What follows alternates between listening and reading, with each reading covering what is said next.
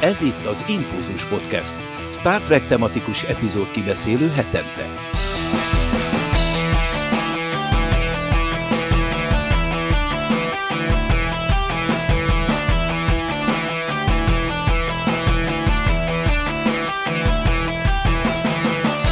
Sok szeretettel köszöntöm a kedves hallgatókat, ez itt a 247. Impulzus Podcast, és egy új vendéget köszönhetünk itt köreinkben, Krisz, aki most hát így friss arcként csatlakozott hozzánk. Szia!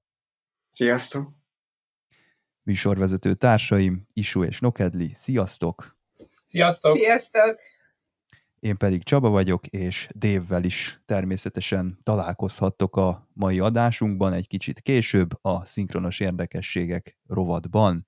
The Wounded című epizódról lesz szó, magyarul a háború áldozata. Ehhez Krisz már szerintem összeöltözött ehhez a tematikához, tehát láthatjátok, hogy kardasziai uniformisban van, ezt mindenképpen YouTube-on is érdemes megtekinteni, aki valami miatt csak hallgatná az adást, adjon hozzá még egy dimenziót ehhez az egészhez, és tekintse meg, hogy ez mennyire nagyszerű. De egy kicsit mutassunk is be téged, szerintem itt egy kommentelőből lett most podcastelő, tehát akkora nagy volt a Facebook aktivitás, hogy ezt nem hagyhattuk büntetlenül.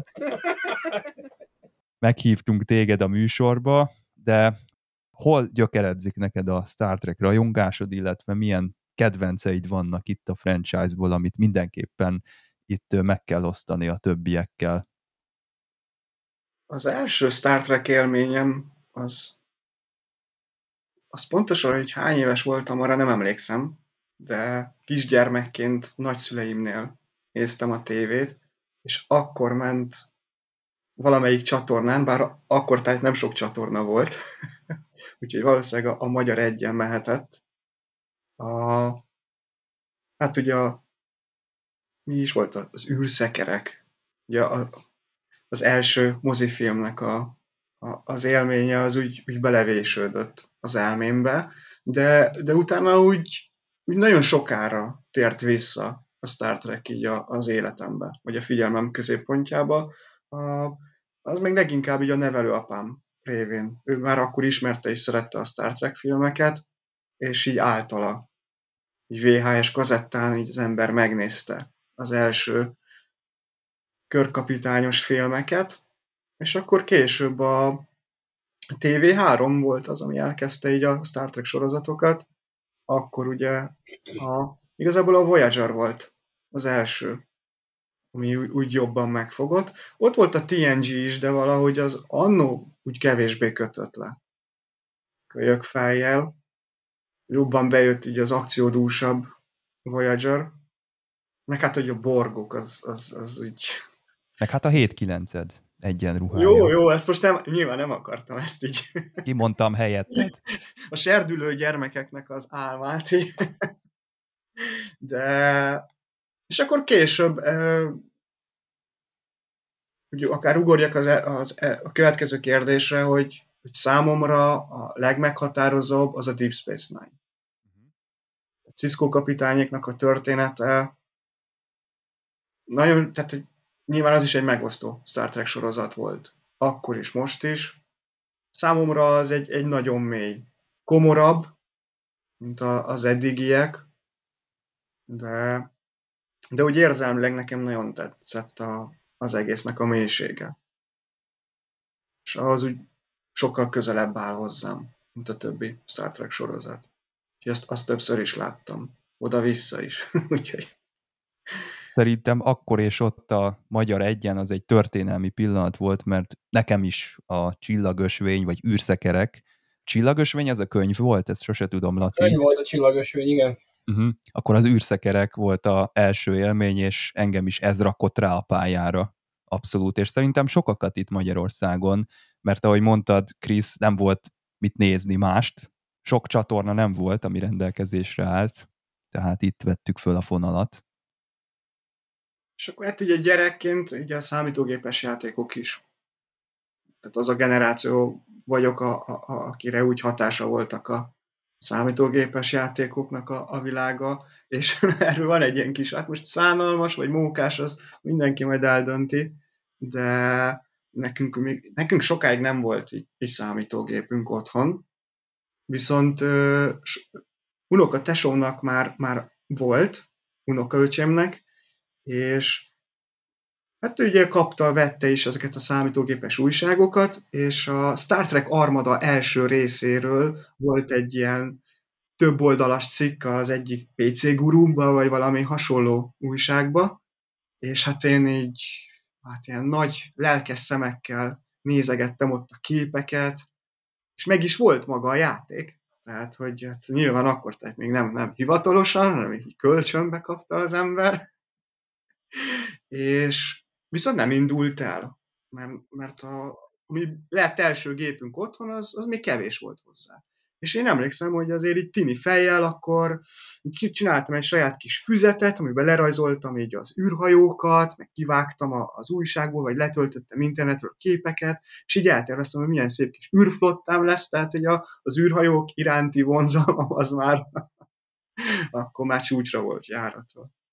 Mert ja, igen, ezt azért hozzá kell tenni, hogy így a, a Star Trek univerzumán belül így a, a gyerekként először leginkább ugye az ismeretlen világnak a bemutatása, a fantázia része, meg, meg az űrhajók, azok, azoknak a formája, fantázia világa, az, az fogott meg. Később, ahogy az ember érik szellemileg, érzelmileg, úgy, úgy sokkal jobban felfedezi, hogy azért a Star Trek sokkal több, mint űrben kószáló embereknek a csilivili űrhajó garmadája. Tehát, hogy ott, ott nagyon komoly társadalmi, szociális és érzelmi kérdések vannak bemutatva.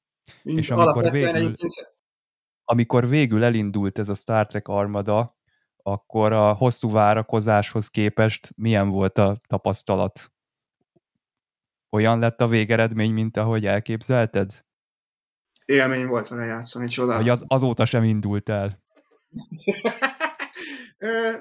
Egyébként nem indul el. Tehát köszönhetően az új Windows rendszereknek, a Star Trek Armada 2-t most már hivatalosan is meg tudtam venni pár éve az egyik ö, ö, Storeban. Storeban, de, de... Akkor még túl régi volt a gép, most már túl új. Most már... Igen, és most, most meg azért nem indul el, de, de amikor tudtam vele játszani, amikor volt az a, az a szűk néhány év, amíg futott akár az XP-m, az, az egy jó élmény volt, kellemes. Jó kis sztorit raktak össze, főleg a, a, az elsőnek.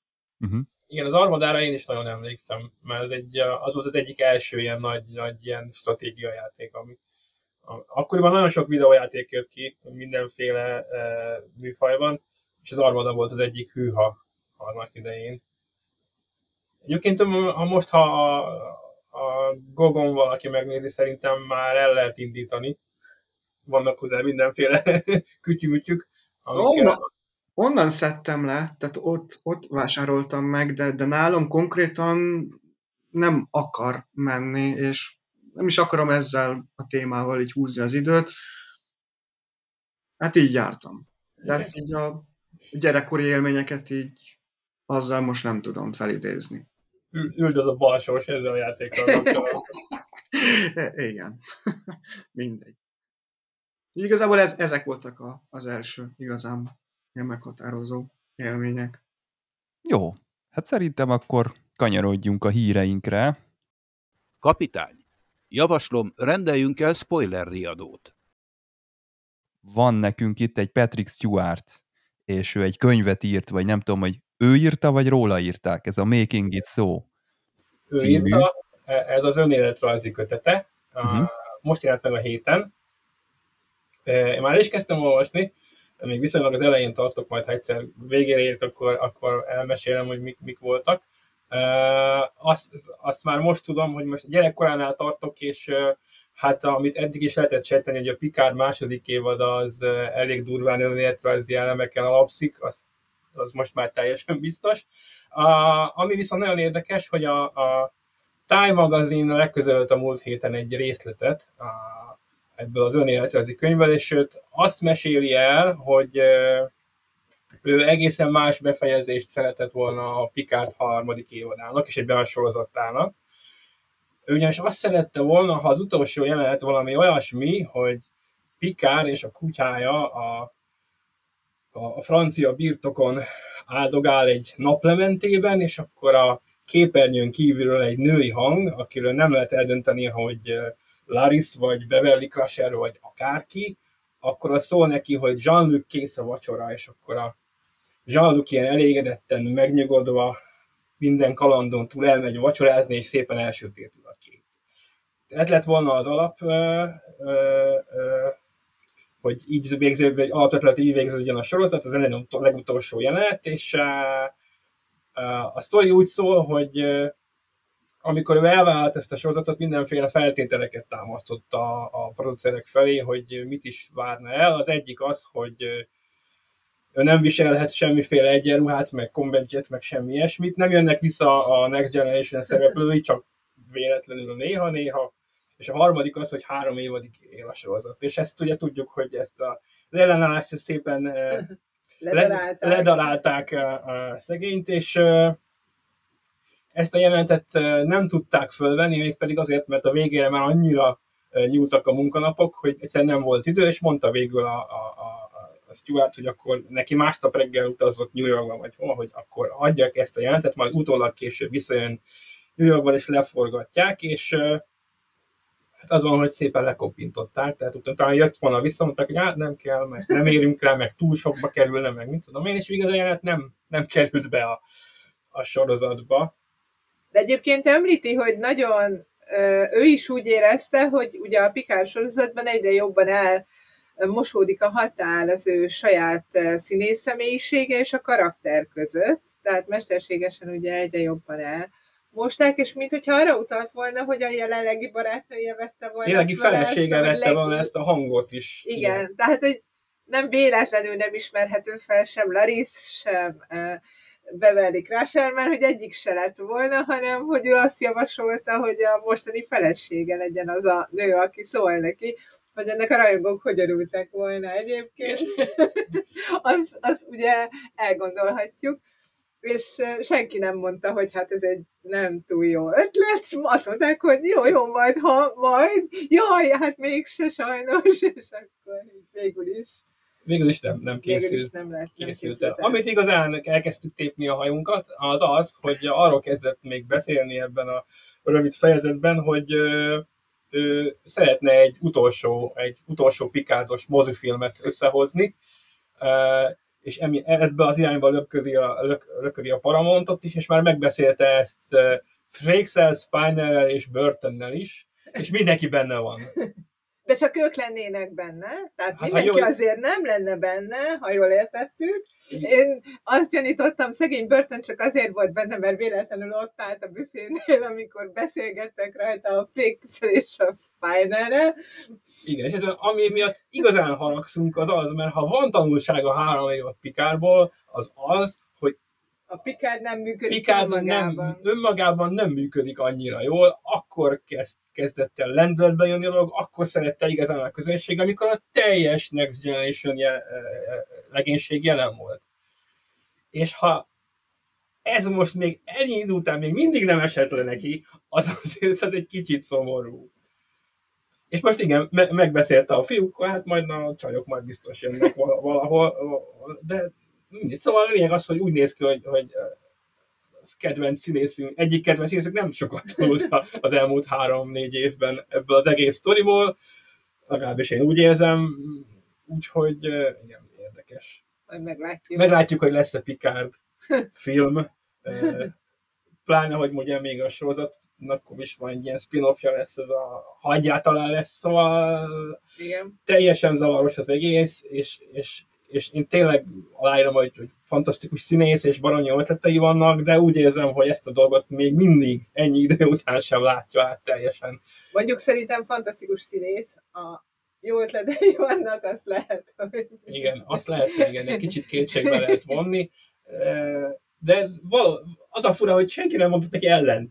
Úgy, úgy érzem, hogy, hogy, hogy egy ilyen és nem volt egy kreatív, aki azt mondja, hogy de hát Mr. Stewart azért Valószínűleg azért, mert akkor nem vállalta volna el egyáltalán. Ugye neki feltételei volt. Igen, olyan pozícióban volt, hogy ő ezt igen. át tudta verni a ezt át tudta verni, igen, igen. Ez is nagy valami, hogy a két három pontjából más felett ilyen szépen, finoman már egy kicsit.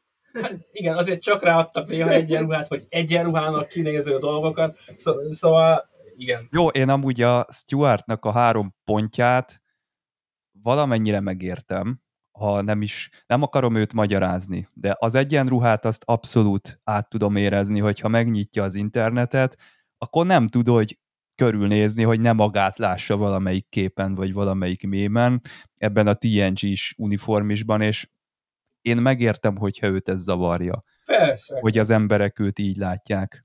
A TNG csapatban szerintem neki valami olyasmi volt az elképzelése, én nem gondolom, hogy baja van a színészekkel, vagy hogy ő magát akarta előre tolni, hanem valami olyasmit gondolt, hogy hát az ilyen gagyi nosztalgia lesz, hogyha tehát nem úgy képzelt el, hogy ezt jól is meg lehet csinálni, hanem lesz egy ilyen nem ez is kettő, vagy nem tudom, és akkor ő, ő már ténylegesen lezárta azt a fejezetet szerintem az életében, ami, ami ahhoz a, mondjuk azt, hogy Rick Berman éra típusú Star Trekhez tartozott. És mi volt a harmadik pont? Az a három év, az maradt. Ja, az a három, három, három szezon lesz. Az végül is. Szerintem az korrekt volt, mert nem tudom hány éve történt, hogy felkérték őt, már így a nyolcadik X-en túl.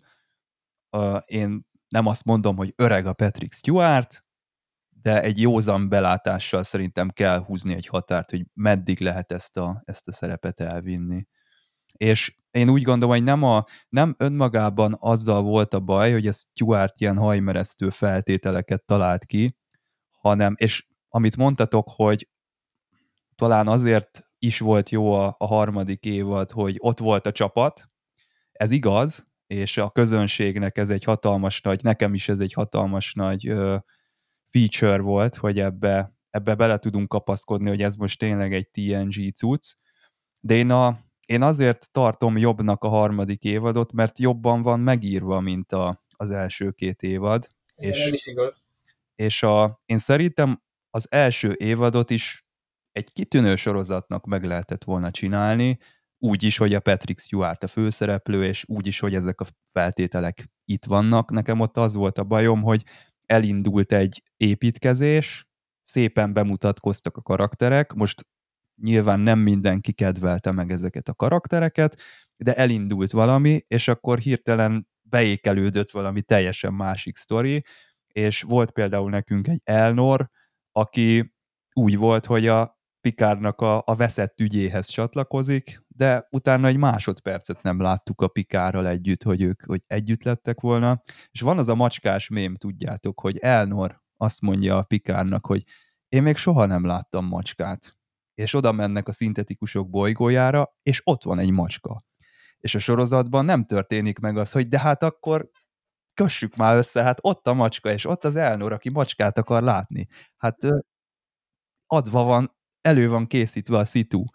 És tudom, ez ilyen vicc, meg ez ilyen mém, de ez leírja, hogy mi a baj a Pikár első évadával, hogy amit a Terimatal, azt megcsinált szerintem, hogy ezeket összeszálaszta és amiket feldobott, azokat leütötte. Igen. Nekem az volt a problémám egyébként az első szezonnal, hogy elindult a Pikár szálon, és nekem nagyon tetszett a Pikár szála, nagyon tetszett a, a Sochi féle, meg Bocsát, spoilerezünk, ezt elfelejtettem mondani, Bocsánat. hogy Star Trek Pikár sorozatból spoilerezünk. Igen. Aztán bejött Seven of Nine-őre, nem is annyira számítottam, és nagyon-nagyon tetszett. Aztán egy idő után azt vettem észre, hogy nagyon figyelek arra, hogy mi történik a Seven of Nine-nal, hogy kezdi elveszteni az értelmét a, az ő szála, mert minthogyha folyamatosan ki lennének vágva belőle jelenetek, amik esetleg értelmet adnának. Az írás töredezik. Ugyanez a, az exborgok, Q-nek is nagyon-nagyon örültem, borzasztóan rossz volt, hogy teljesen úgy éreztem, hogy értelmetlenül végződött a karakter története, Icsep története. Szóval, hogy egy idő után azt vettem észre, hogy elindulnak jó dolgok, a karakterek nekem nagyon fontosak, hogy jók legyenek a karakterek. A karakterekben van potenciál, de aki nem a Pikár, pontosan a Pikár történetét viszi előre, azoknak a karaktereknek nincsen növekvése, nincsen, nincs idő, vagy fejlődik. szóval, hogy senki nem fejlődik, és, és nincs, nincs nyomatéka azoknak a karaktereknek, hogy, hogy kellett volna éreznem, hogy ott valami van, ahhoz, hogy, hogy szeressem azt a legénységet, aki a Pikárral együtt van, de szinte semmit nem haladtak előre, plusz ott volt a Seven, aki, akit meg nagyon szeretek amúgy is, és, és kifejezetten úgy, érte, úgy éreztem, mint hogyha Sir Patrick Stewart a, kicsit úgy ráhatással lenne, hogy, hogy neki menjen a több műsoridő, és folyamatosan vágják a... Uh-huh. Vagy nagyon rosszul írták meg már eleve, vagy megírták viszonylag jól, vagy kevésbé jól, és aztán vagdos, kicsit, addig vagdosták, ameddig gyakorlatilag... Én nem tudom, hogy a Stuartnak az aurája nőtte nagyra, vagy csak túl sokat akartak beletenni ez a... Nehéz megmondani, de, Lehet, de, de... jelek mutatnak mind a két irányba. Igen, és már a, a, a, az Insurrection mozifilmhez jött kétszer, a Michael Pillernek volt egy könyve, aki írta ezt a, a a filmet, meg ugye sok egyéb epizódot. Ez egy kiadatlan és, könyv, ugye? Vagy ezt kiadták végül? Azt végül kiadták, igen, végül tankönyvként megjelent valahol, és akkor de egy csomó rajongói szájton lehetett hozzájutni. Uh-huh. Én is PDF-ben olvastam. Ugye az elsőt még én is PDF-ben olvastam, és ott, ott vannak elég fura a dolgok, hogy egyszerűen a Patrick Stewart valamiért akkora nagy sztárnak számít, hogy csak így nem lehet megmondani neki valami nem tetszik, hanem kicsit így manipulálni, meg, meg terelgetni kell, és, és, és ez nagyon fura. Uh-huh. Tehát nem, mondja, nem merik megmondani neki, hogy ez a film eredetileg az ifjúság forrásáról szólna, nehogy azt gondolja, hogy ők azt gondolják, hogy ő idős. Pedig Mindenki azt gondolta, hogy ilyen első És akkor van egy ilyen kis táncolás folyamatosan, hogy akkor most mit, mit engedhetünk meg, mit nem és ez borzasztó hatással van a kreatív folyamatokra. Igen, ez azért, ez, ez így nem jó dolgozni. Valóban. Igen, és, igen. igen. Krisz, mit gondolsz erről az egészről? Nagy vonalakban egyetértek veletek. Ez, ez végig érezhető, hogy, hogy próbáltak valami újat. Tehát, hogyha Patrick Stewartnak ez volt a, a kívánsága, akkor ez teljesen egybecsengett a, az alkotóknak a, az óhajával is, tehát hogy próbálták egy teljesen új dimenzióba helyezni a karaktert. Én ennek megmondom szintén örülök, mert a, a, a TNG-s Picard kapitányjal, ahogy említettem, hogy maga az az egész világ annyira nem volt közel hozzám, nagyon sok esetben igazából a Picard miatt. Tehát, hogy számomra úgy elidegeni, tehát nem tudtam úgy együtt érezni azzal a kapitányjal az Insurrectionben, és egyébként itt kicsit így visszautalnék arra, hogy, hogy a Bakun is volt egy szerelme, úgyhogy akár ő is felbukkalhatott volna a Pikár harmadik végén. A Nexusban is volt valami feleség, aki senki se volt, és már igen, igen. Próbálták a rajongók, de azt hittük, hogy, de igen, igen. miért nem ismerjük, stb. Igen a lassított felvételen közlekedő kolibrivel. Tehát, hogy ott, ott Pikár, mint, mint ember, ott, ott tök jól megnyílt, és ez, ez nekem például nagyon tetszett. Hogy, hogy az a merevség, ami mindig így jellemezte, az, az ott úgy igazán megrepedezett. Így nem csak az, hogy mint, mint federációs kapitány, mint, tehát így a Pikár is egy nagy sztár, hogy maga a Patrick Stewart is. Tehát, hogy itt a két karakter nagyon szépen összemosódik. És, és onnantól kezdve már sokkal szimpatikusabb. Így pedig öreg admirálisként még inkább emberibb volt a karakter. És igen, hát én ugye nagy, bizonyos körökben híres vagyok, hogy milyen nagy Romulán fan vagyok, úgyhogy én nagyon örültem a Romulánoknak. nagyon mások lettek a, a Romulánok, nagyon érdekes motivációkat ö, raktak bele így a, az egészbe. Ö, nem, nem akarok úgy nagyon spoilerezni, mindenki majd nézze meg és döntse el, hogy számára mit jelent. Ö, ugye a végén, ami bejön nagy fenyegetés, az, az, az, a tip, az a tipikus hiba, amit sok sorozatban elkövettek, hogy létrehozunk valami nagyon nagy fenyegetést, ami úgy lóg a levegőbe, de nem tudunk vele mit kezdeni. És és annak a lezárása az olyan, olyan nagyon azt, megpróbálták így megúszni az írók. Az és gyorsan. Nagyon, igen. Tehát, hogy, ahogy említettétek, tök jó karakterek vannak, érdekesek is, megosztóak is, de, de működ, működhettek volna. Sokkal hosszabb játékidővel és, és figyelemmel, és, és igen, amit Matalász összehozott nagyon ügyesen, bár én úgy gondolom, hogy, hogy a harmadik évad az, az tényleg nagyon jó, egy, egy, egy csodálatos érzelmi hullámvasút azoknak, akik imádják a, a TNG karaktereit és történeteit és jellemeit, de ez inkább az egész évad a, a rajongóknak egy ilyen retrovasutas kiszolgálása. Tehát, hogy a, a, a kreativitásnak a hiánya az, az nagyon, nagyon erőteljes. Uh-huh. Tehát nosztalgiával pótolták a... Gy- egyébként gyönyörű lezárást adott ennek az egész Picard ívnek. Tehát, hogyha belegondolunk, hogy sokáig azt gondoltuk, hogy a, a Nemesis lesz a, az, a, a koporsószeg, az utolsó, hát ahhoz képest szerintem a Picard kapitány gyönyörűen, amit így maga a három évados széria gyönyörűen visszahozta ezt az egészet. Nekem a második évadnak is nyilván a legerősebb jelenetei azok, azok a, a nagy a nagy ellenféllel való beszélgetések, ugye spoiler, ugye kúról van szó, az szerintem egy nagyon-nagyon szép ilyen jelenet sor volt, amikor ők ketten ott beszélgettek.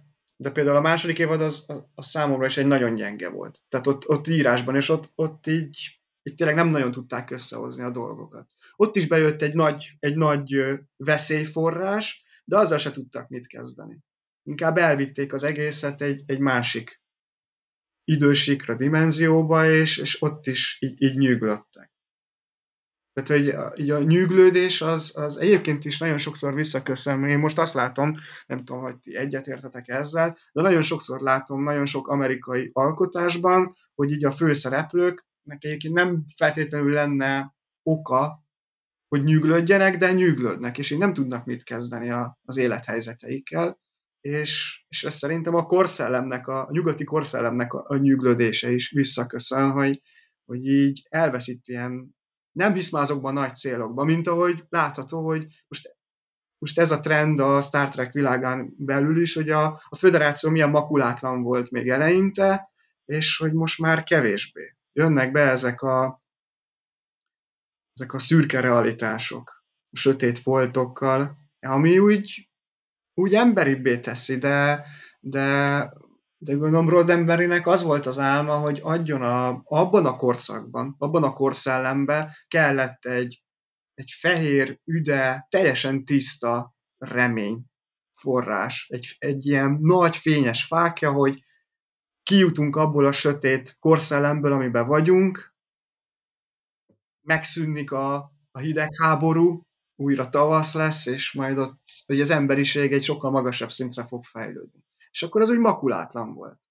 Tehát a körkék érájában, hogy nem éreztük azt, hogy, hogy az az emberiség olyan rossz. És a TNG-be is azért visszajött egy-két ponton, hogy, hogy a föderáción belül azért vannak repedések. Mai epizódban is. Rá lehetett fogni akár mondjuk, nem tudom, a most jelen helyzetben ugye a kardasziai dolgokra, mondom később majd beszélünk róla, vagy hogy idegenek befolyásolták a föderációt, és akkor a későbbi Star Trek sorozatokban már sokkal jobban kijön az, hogy azért ott vannak, vannak árnyak. Jön a fény körül. Igen, azt hiszem egyébként akkoriban szükségszerű volt, tehát amikor Rodemberi azt mondta, hogy akkor legyen a TNG tökéletes emberekről szóló sorozat, ami egyébként a TOS sem volt, mert a TOS-ban emberiek voltak, voltak erős tulajdonságaik, gyengeségeik, ugye amikor a körkapitányt ketté választják, és lesz egy jó oldala, meg egy rossz oldala, és arról szól a, az epizód, hogy mind a kettő fontos. Az egy, az egy egész érdekes koncepció volt, de ugye TNG-re jutottunk odáig, hogy ők aztán már mindenben nagyon tökéletesek, ami aztán nehéz helyzet elé állította az írókat, akiknek írni kellett bármi konfliktust, mert hogy bizonyos konfliktus azért a drámának a lényege, dráma nélkül nincs karakterfejlődés, karakterfejlődés nélkül nincs jó sorozat, nincs érdekes történet, tehát tökéletes emberek, azok egy jó, jó pozitív példa, és egyfajta mód arra, hogy inspirálják az embert, de nehéz róluk jót írni, és ezért nem működik a, a TNG-nek igazából az eleje főleg, és akkor kezd el működni igazából, amikor jönnek ezek a részek, amikor kiderül, hogy ők mégis teljesen tökéletes emberek, vagy legalábbis a csillagflotta nem teljesen tökéletes, ők még egész jók, és aztán később kiderül, hogy azért ők, ők sem mindig, mert tényleg, ahogy mondod, hogy teljesen így emberibbek, meg könnyebb drámát írni. Aztán később vannak olyan sorozatok, amikor inkább azt választják, ami nekem nagyon tetszik, hogy nem vagyunk tökéletesek, de tökéletesre törekszünk, és azt mutatjuk meg, hogy úgy vagyunk optimisták és inspirálóak, hogy közben még ugyanolyan emberek vagyunk, mint, mint a többiek. Tehát, hogy... És, és ezt most is látom. Visszakanyarodjak a, a Pikár sorozatra, hogy most uh, ugye láthatjuk, hogy, hogy az első évadban, meg a következő évadban például, például Raffin keresztül tök jól be van mutatva az, hogy, hogy egy vagy, meg talán a hetesen, talán Igen. az ő kettejükön mutatható be az ő karakterükön, hogy, hogy ugye a, ők is elvesztették ezt, Igen. A, ezt a húzóerőt, hogy, hogy a föderáció, a csillagflott. Igen. És egyébként, hogy így a végére mennyire szépen megtalálják a helyüket. Igen. És, hogy, és egyébként szerintem, most ezt csak így belemagyarázom, valószínűleg ez nem így van, de hogy mi is úgy elvesztettük ugye régen a Star Trek-et, aztán visszatér, de nem elég elő, erőteljesen, megosztotta a rajongókat, akár a, a Discovery, és hogy most így a, a Pikárnak így a harmadik évadjával igazából szerintem a legtöbb rajongó úgy érzi, hogy újra visszakaptuk a Star Trek-et, hogy visszakaptuk a, a, azokat a karaktereket, hogy és újra hiszünk a Föderációba és a Csillagflottába, és ebbe az egész álomba, hogy, hogy újra ki a csillagok közé, az ismeretlen tartományban. Úgy érzem, hogy a mostani trekkek megpróbálnak inspirálni tényleg. Igen. És kérdés, hogy kinek jön be a Discovery, van akinek igen, van akinek kevésbé, vagy van, aki inkább visszatekintene, és akkor a Picard 3, vagy van, aki ugye nagyon szereti a Strange Universe-et, ami teljesen az, hogy régi típusú sorozatmesélés, de, de azért nagyon egymásra épülő sztorik, és nagyon inspiráló, miközben a karakterek egyébként teljes mértékben kaotikusak, és a káosz felől haladnak a tökéletesség felé nagyon inspiráló módon tényleg. Én, én egyébként az összes említett új sorozatot nagyon szeretem, mindegyik belátom. Igen. Sok, sokan látjuk a, a jó dolgokat, és nyilván látjuk a, a hibákat is. És amit pont te említettél, hogy egyébként szerintem ez a legfőbb hibája a mostani Star Trek sorozatoknak, hogy, hogy nem kapnak elég időt. Tehát, hogy megpróbálják sokkal mélyebbre a karaktereket írni, de hogy, de hogy meg a szituációkat, tényleg komoly témákat is fölvetnek, de hogy valahogy nem, nem tudják jól kifuttatni. És egyszer csak vége van az évad. Igen, igen. Igen, meg hogy, hogy tényleg a, nem mindig működik olyan jól a dinamika. Vagy, vagy csinálnak például a Discovery-be volt az a rész, amikor a az a, az a kibernetikus tisztjük. Igen. Igen. A betűs volt a neve a hölgynek. Azt hiszem. Ariam, vagy Ariam. Ariam. Ariam, ja. Tehát, hogy, hogy a, az ő halála az egyrészt ugye elő volt készítve magába a sorozatba, tehát sejtető volt, hogy na, őt elveszítjük, mert hogy hirtelen fókuszba került a karaktere. Igen, de csak abban az epizódban derült ki, hogy eltelt 15 perc a sorozatból, Igen. túl sok mindent tudtunk meg erről a karakterről, lehet, hogy meg halni. És utána, hogy 10 percig síratjuk a, a karaktert, és így mindenki, hogy neki milyen sokat számított, hogy de hát gyerekek, ez még nem volt bemutatva.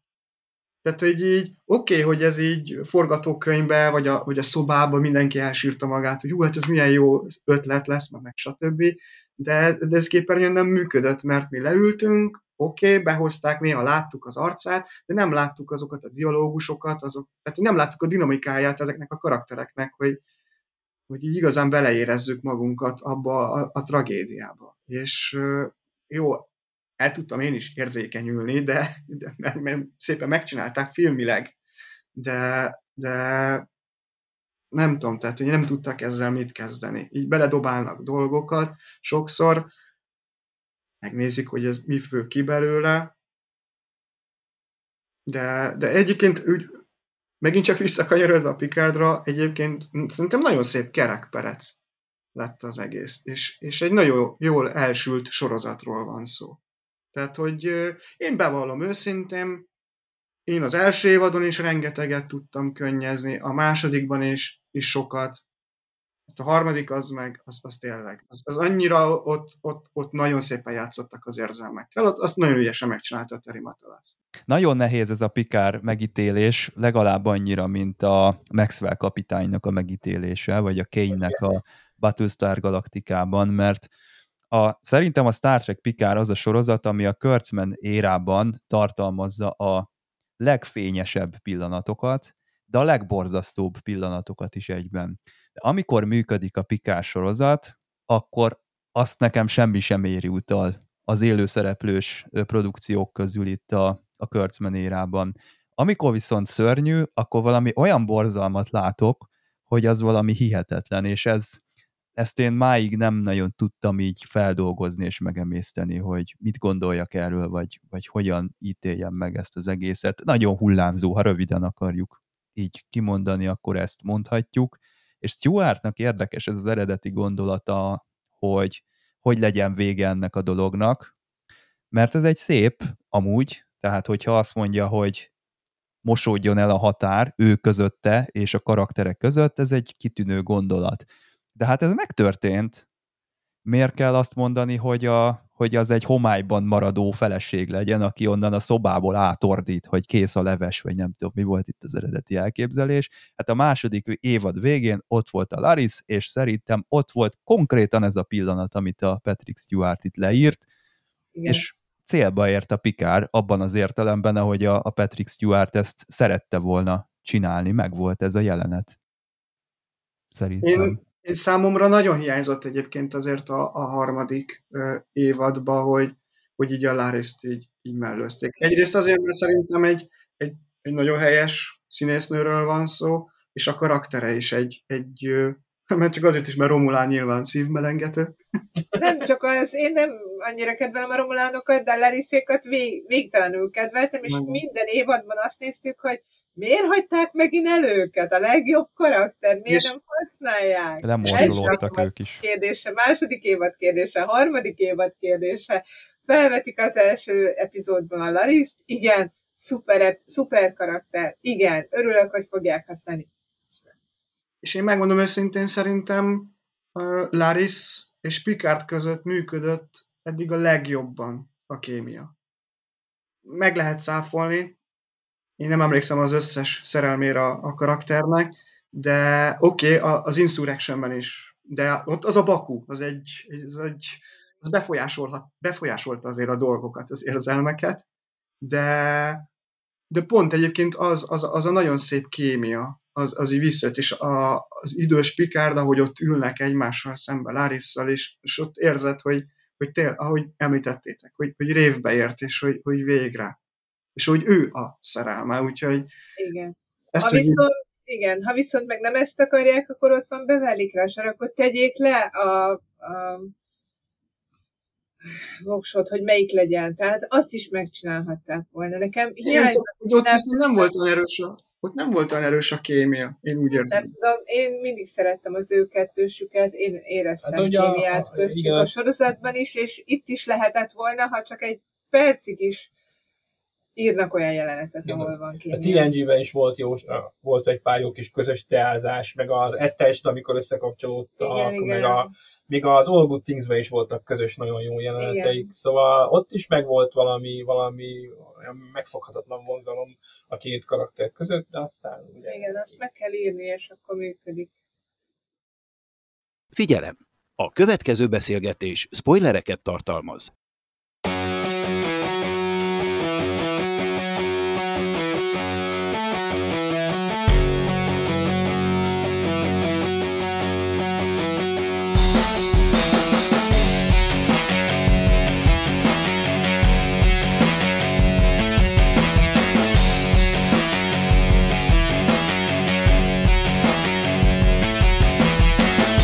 Jerry Taylornak Joseph Conrad jutott eszébe, amikor a The Wounded című epizódnak az alapötletéről van szó, a Sötétség mélyén című kisregény.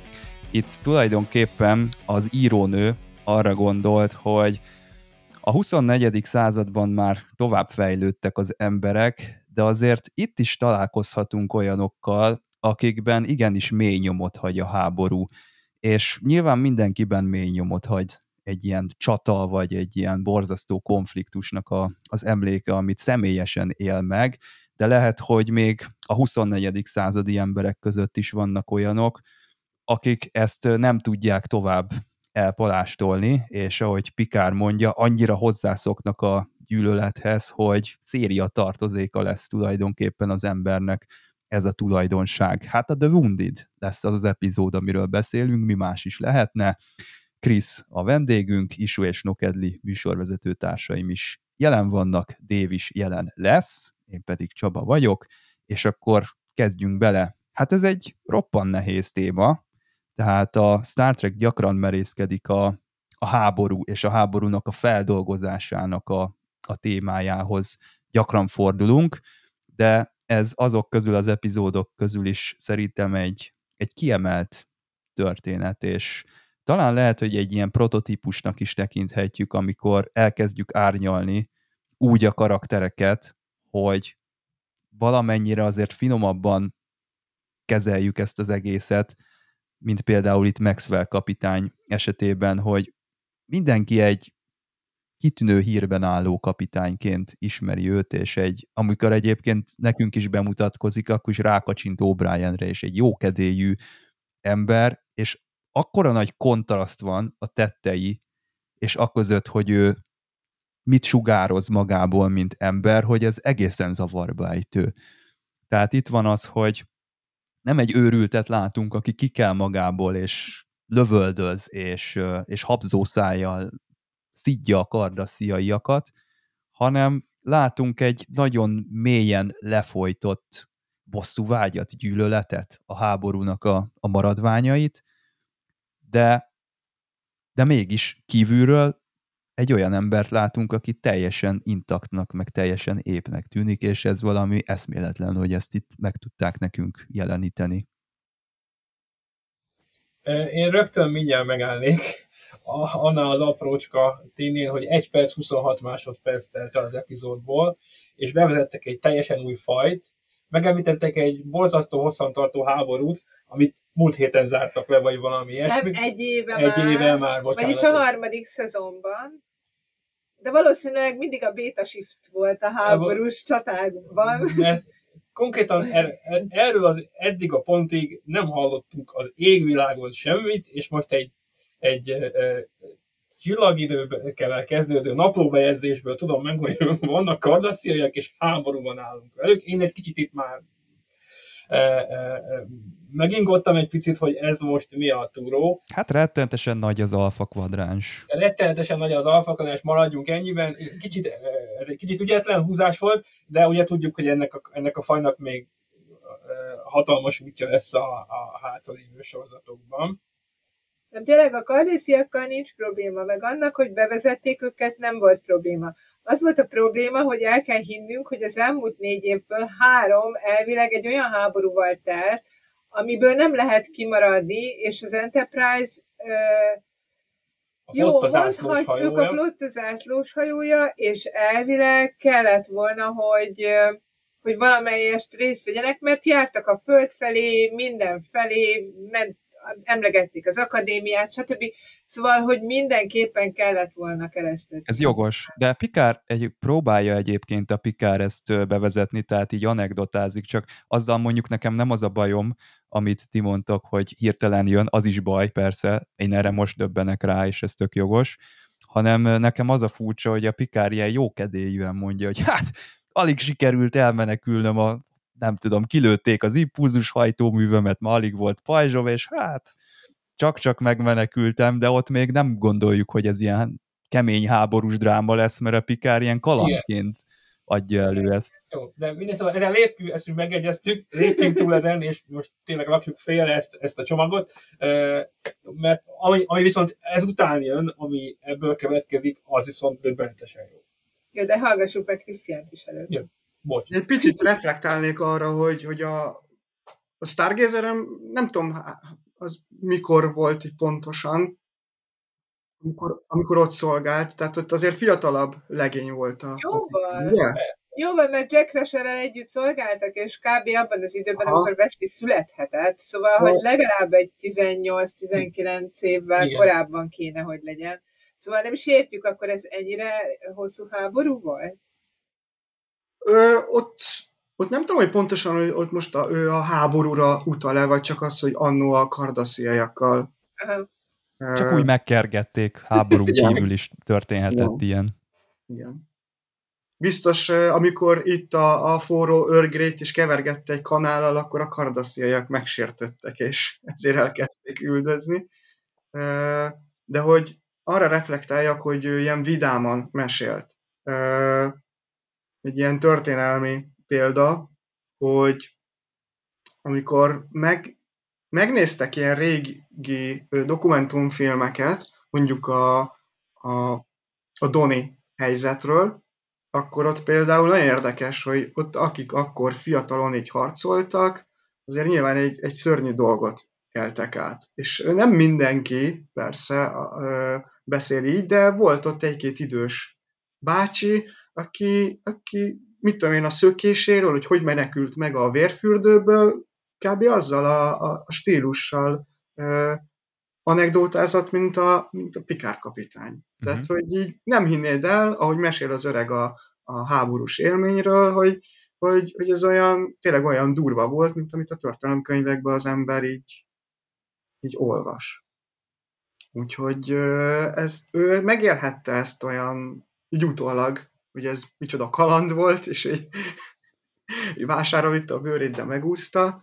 De igen, egyébként ez a háború nincs így, így előkészítve, nincs meg a, a, a tehát, hogy így, amikor így beszélnek, például Keiko és O'Brien is, hogy ez mekkora ilyen traumát okozhatott itt sok ember számára, úgy ez úgy nem köszönt vissza. Úgy alapvetően ez nem probléma, hiszen a, a Dominium elleni háborúból is nagyjából kimaradt az Enterprise, és őrizgették a, a, semleges zóna mentén a, a határt. Úgyhogy akár ha ez, ez a háború már nagyon régóta zajlott, akkor mégis itt taktikai döntésnek a, a csillagflotta részéről se feltétlenül botorság, hogy, hogy a, a zászlós hajót nem vittük be oda.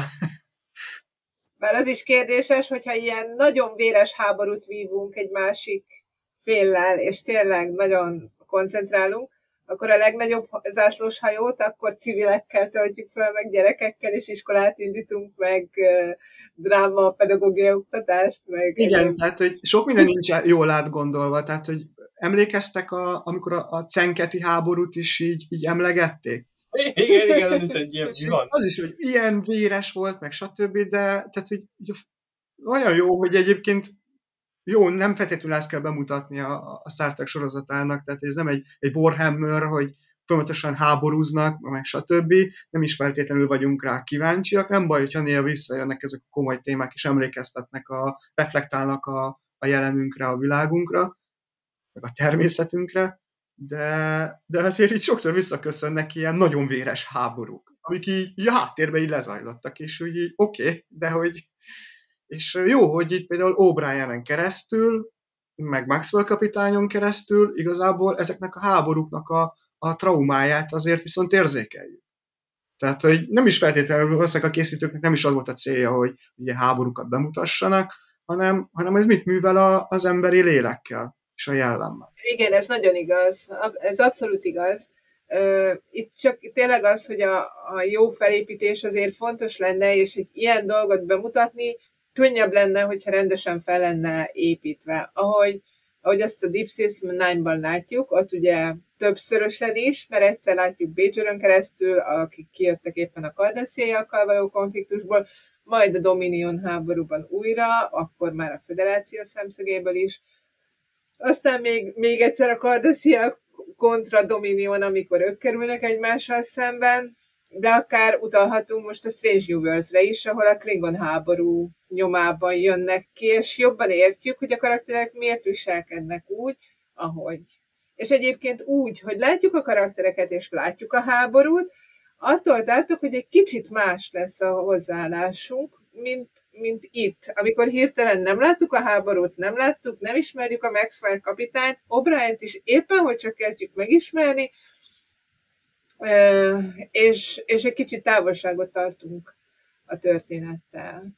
De épp O'Brien visz hozzá közelebb. Igen. Még, mert nagyon jók a, a, azok, a, azok az aprócska mozdulatok, azok a apcsok, mimikák, amikor megjelennek a, a kardasziai, a három kardasziai megjelenik a transporterben, és hát véletlenül pont O'Brien van a, a transporternél, tehát ne, nem láttuk valóban a háborút, és tényleg most rakjuk félre, hogy akkor ez nem, nem volt elkészítve, de, de azért O'Brien reakciói azért egy, adnak egy súlyt, amit amúgy nem, nem kapnánk, és ez, és ez ilyen, ilyen Abszolút Tehát van benne, van benne egy ilyen elfolytott, nagyon Igen. mélyen végző tűz, ami, amit, amit, amit félünk, hogy ki fog törni. Igen, abszolút ez van, hogy nagyon jól játszik, de vajon pontosan ugyanúgy szurkolunk neki, hogy, a, hogy neki legyen igaza, meg hogy a Maxwellnek, mint ahogy azt mondjuk, hogy hm, és az ember gaz mit szól ahhoz, hogy a Klingon most mit csinál, vagy hogy a, vagy hogy a Kira miért gyűlöli annyira a kardasziajakat vagy hogy mit tudom én, a nog, amikor elveszti a lábát, akkor mit él át. Vagy hogy, vagy hogy a sókapitány a Pikár 3-ban a Borgra visszaemlékezve mit érez. Ott is csak elbeszélésből halljuk, de mégis. Vagy a Pikár a First Contact című epizódban, amikor rohangál az izével. Pedig azt hittük, hogy már az IQ-ban, vagy iBorgban már túljutott a traumáján, és mégis azt látjuk. Szóval hogy későbbiekben azért sokszor láttunk ilyen trauma megélést olyan a mi karaktereinkkel is, úgy, úgy értem, hogy amikor már mi is látjuk azt, hogy megélték ezt a dolgot, és tényleg a fő karakterek élik meg. Itt viszont ez még egy viszonylag korai, de nagyon jól elkészített látlelet arról, hogy, hogy, hogy hogyan működik valaki, aki átélt ezeket, szerintem. Az például nagyon szép volt, amikor a, a liftben a két Glinnel ott megy az O'Brien, és ugye a, a néző is így, így igazából így kvázi így O'Brien mellé áll, mert rá, ránézünk erre a két marcona kardasziai tisztre, és így árad belőlük, hogy ezek biztos sántikálnak valamiben, hogy, hogy, hogy ezek nem, nem békével jöttek, és ugye az egyik az, az ugye szeretne ugye így, így idézesen barátkozni O'Brien-nel, el is hívja a csillagbárba, meg stb., de, de úgy, úgy, úgy nem megy, ott a bizalmatlanság is. És az is nagyon szép O'Brien-en keresztül így bemutatva, amikor beszélget Keikóval, hogy, hogy így, hogy hát az emberek mit gondoltak a kardaszéjakról, meg stb. És így észre se veszi, hogy benne is mennyi ö, prekoncepció van. Jó, oké, okay, ő átélt rossz dolgokat, tehát nem feltétlenül ö, előítéletekről van szó, de, de akkor is, hogy úgy nem nyitott, nem nyitott, így a béke ellenére se. Nincs meg a bizalom. Igen, és nagyon kellemetlen érzed magad, amikor Pikár oda megy hozzá, hogy beszélgessünk akkor a Maxwell kapitányról, és mesélje nekem a, a, a, az ő karakteréről, meg egy kicsit a kardasziaiakról, és nagyon látni, hogy O'Brien csak úgy minimálisakat reagál, miközben Picard ilyen nagy előadást tart, hogy hát nagy a gyűlölet, az nagyon sok mindenkit e- e- e- elemészt, és, és ha, ha csak azt ismeri, akkor már nem tud nem visszaemlékezni, és, és ott állsz, és O'Brien nem szól semmit. Te pedig így ülsz már, hogy valami legyen, mert akkora a feszültség abban a, a két karakter között. Igen, mert nem akar rosszat mondani nem semmit akar a rosszat mondani. mert hűséges is hozzá, meg meg is érti, hogy nem mi is, történik. Nem is csak ez a baj, hanem a fő probléma az, hogy ő nem is így ismeri a kapitányát. Tehát ő maga is, aki ki tudja mennyi ideig volt vele kapcsolatban, soha nem látta így, és el se tudja képzelni. Hát ő inkább azt gondolja róla, hogy jó indoka van arra, amit tesz. Tehát, hogy nem feltétlenül az, hogy rosszat tesz, hogy, hanem hogy jó indoka van. Az a, az a megdöbbentő egyébként az epizódban, hogy ugye arra hozzák ki a dolgot, hogy és egyébként Maxwell kapitánynak igaza van.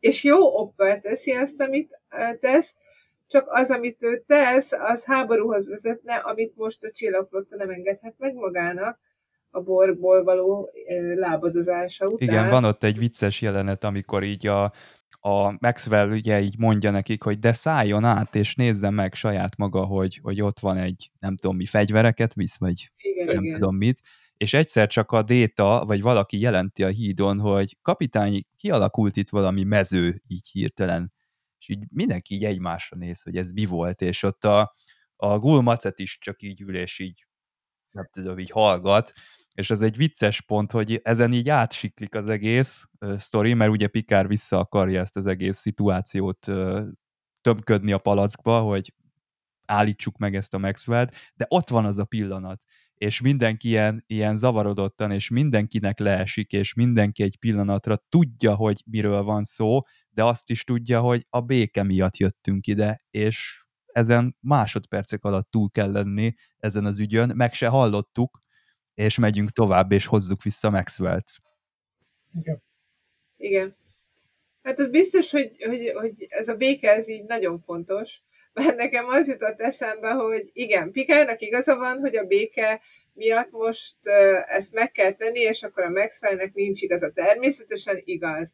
Na jó, akkor nézzük már meg a Strange universe az utolsó epizódját, amikor ott a pálykapitány éppen akkor felsugározta az embereit, ha megmenti őket, akkor ugye kitör a háború a gornokkal, ami nem lenne jó, mert éppen most csak jöttek ki a Klingon háborúból. Vajon szurkolunk-e pálykapitánynak, hogy azt mondja, ó, oh, nem gond, a béke sokkal fontosabb, majd azért, végül is csak négy emberem van ott. Nem tartom túl valószínűnek, hogy ezt gondolná a pálykapitány. Azt sem gondolom valószínűleg, hogy a néző ezt akarná a pálykapitánytól, hogy ugyanazt az álláspontot képviselje, amit ebben az epizódban egyébként pozitívnak tartunk, ahol a néző kicsit ebből a szempontból is nézi, bár szerintem nagy előnye az epizódnak, hogy már kezdünk szimpatizálni O'Briennel, és vele általában Maxwell kapitányjal is. Egyébként érdekes a hasonlatod, a, tehát hogy Pike és a Gorn ö, fiaskó. Hogyha ezen szabad, akkor egy kicsit elmélázhatunk, hogy összehasonlítjuk a két szituációt, mert, mert azért a, a, a Gorn fenyegetés az, az összehasonlítva a kardassziai háború lehetőségére nagyon más. Tehát, hogy, hogy a gornok azok, azok így elsőre úgy vannak bemutatva, meg egyébként a későbbiek, vagy a korábbi alkotásokban is, hogy, hogy ezek, ezek, ezek vadállatok. Tehát ezek jönnek, és így, és így fölfalják majd az embereket. Tehát, hogy ott, ott ők egy jóval nagyobb fenyegetésnek tűnnek. Itt a Pikár kapitány tudta jól, hogy, hogy azért, hogy talán a föderációnak megvan azért az erőfölénye, így Kardasziával szembe. Ott az adott szituációban bizonyosan. Már mert csak gondoljunk bele, hogy egy Nebula osztályú hajó milyen szépen leszette a, a Galort. Tehát, hogy egy, egy a Nebula az egy, az egy kutatóhajó, nem egy, egy hadihajóként. Bár láthattuk a Dominium háborúban, azért nagyon szépen sorakoztak ott is a Nebula osztályú hajók a, a flottába, de, de hogy nem, elsődlegesen nem úgy, úgy, úgy szokták bemutatni ezt a hajót, mint egy, mint egy hadihajó. A Galor meg a, a, a Dominium háború idejéig az első, elsődleges hadihajója a Cardassia Uniónak és ezt így, így, így, le, így leszette. És semmiféle sérülésről nem beszélt a Maxwell kapitány, hogy most mi azért megálltunk, mert nagyon megsérült a hajónk, úgyhogy így megadjuk munkat. Kb. ment volna, aztán vadászta volna tovább a, a kardikat, úgyhogy, úgyhogy Pikár kapitány valószínűleg ebben is tisztában volt, hogy, hogy ez most egyrészt egy, egy gesztus, így a szervezkedő ellen fél, vagy ellenség irányába, hogy, hogy oké, okay, most leszedem a tábláról egy nagyon jó, az egyik legjobb bábumat, de tudunk arról, hogy nektek mi lenne a következő lépés, úgyhogy kaptok esélyt arra, hogy, hogy elgondolkodjatok. És hát, hogy, hogy Pike, Pike-nál meg, meg, meg ugye ott azért a Gorn tényleg egy nagyon jól megcsinálták, nekem nagyon tetszik, és nem, nem akarom elvinni abba az irányba, de, de ott egy egy brutális, tehát az, az egy brutális ellenségként van ott, ott így érzékeltetve, úgyhogy azt mondom, hogy Pike nehezebb helyzetben van. Az biztos. Egyrészt azt gondolom, hogy a, a Strange New Worlds-be belevegtették, hogy a, a Gornoknak azért van valami háttér uh, sztoria. Tehát van, volt egy utalás arra, még talán beszéltük is a podcastben, hogy vagy monsterek, vagy pedig lehet, hogy valami más, amivel már tárgyalni is lehet, tehát ezt még nem teljesen tudjuk. Másrészt nem gondolom, hogy a csillagsatának akkora nagy erőfölénye lenne, mert végül is békét kötöttünk valamiért. És azért abból a, abból, most három kar, karakterből ítélve, azért a kardassziaiak az nem az a, az a, a mindig megverem ellenfélnek tűnnek eleve. Tehát így a, a TNG sok próbált sok ellenfelet bevezetni, például a felengéket, amiből hát ilyen fura dolgok sültek ki, de ők is eredetileg keményebb ellenfeleknek lettek beállítva, még a pilotban azt Még ostoruk is volt az elején. Igen. Azt... Attól még félelmetesebbnek néztek ki. Igen. Szóval most a kardassziaiak azért elég komoly figuráknak tűnnek, tehát nem, nem, nem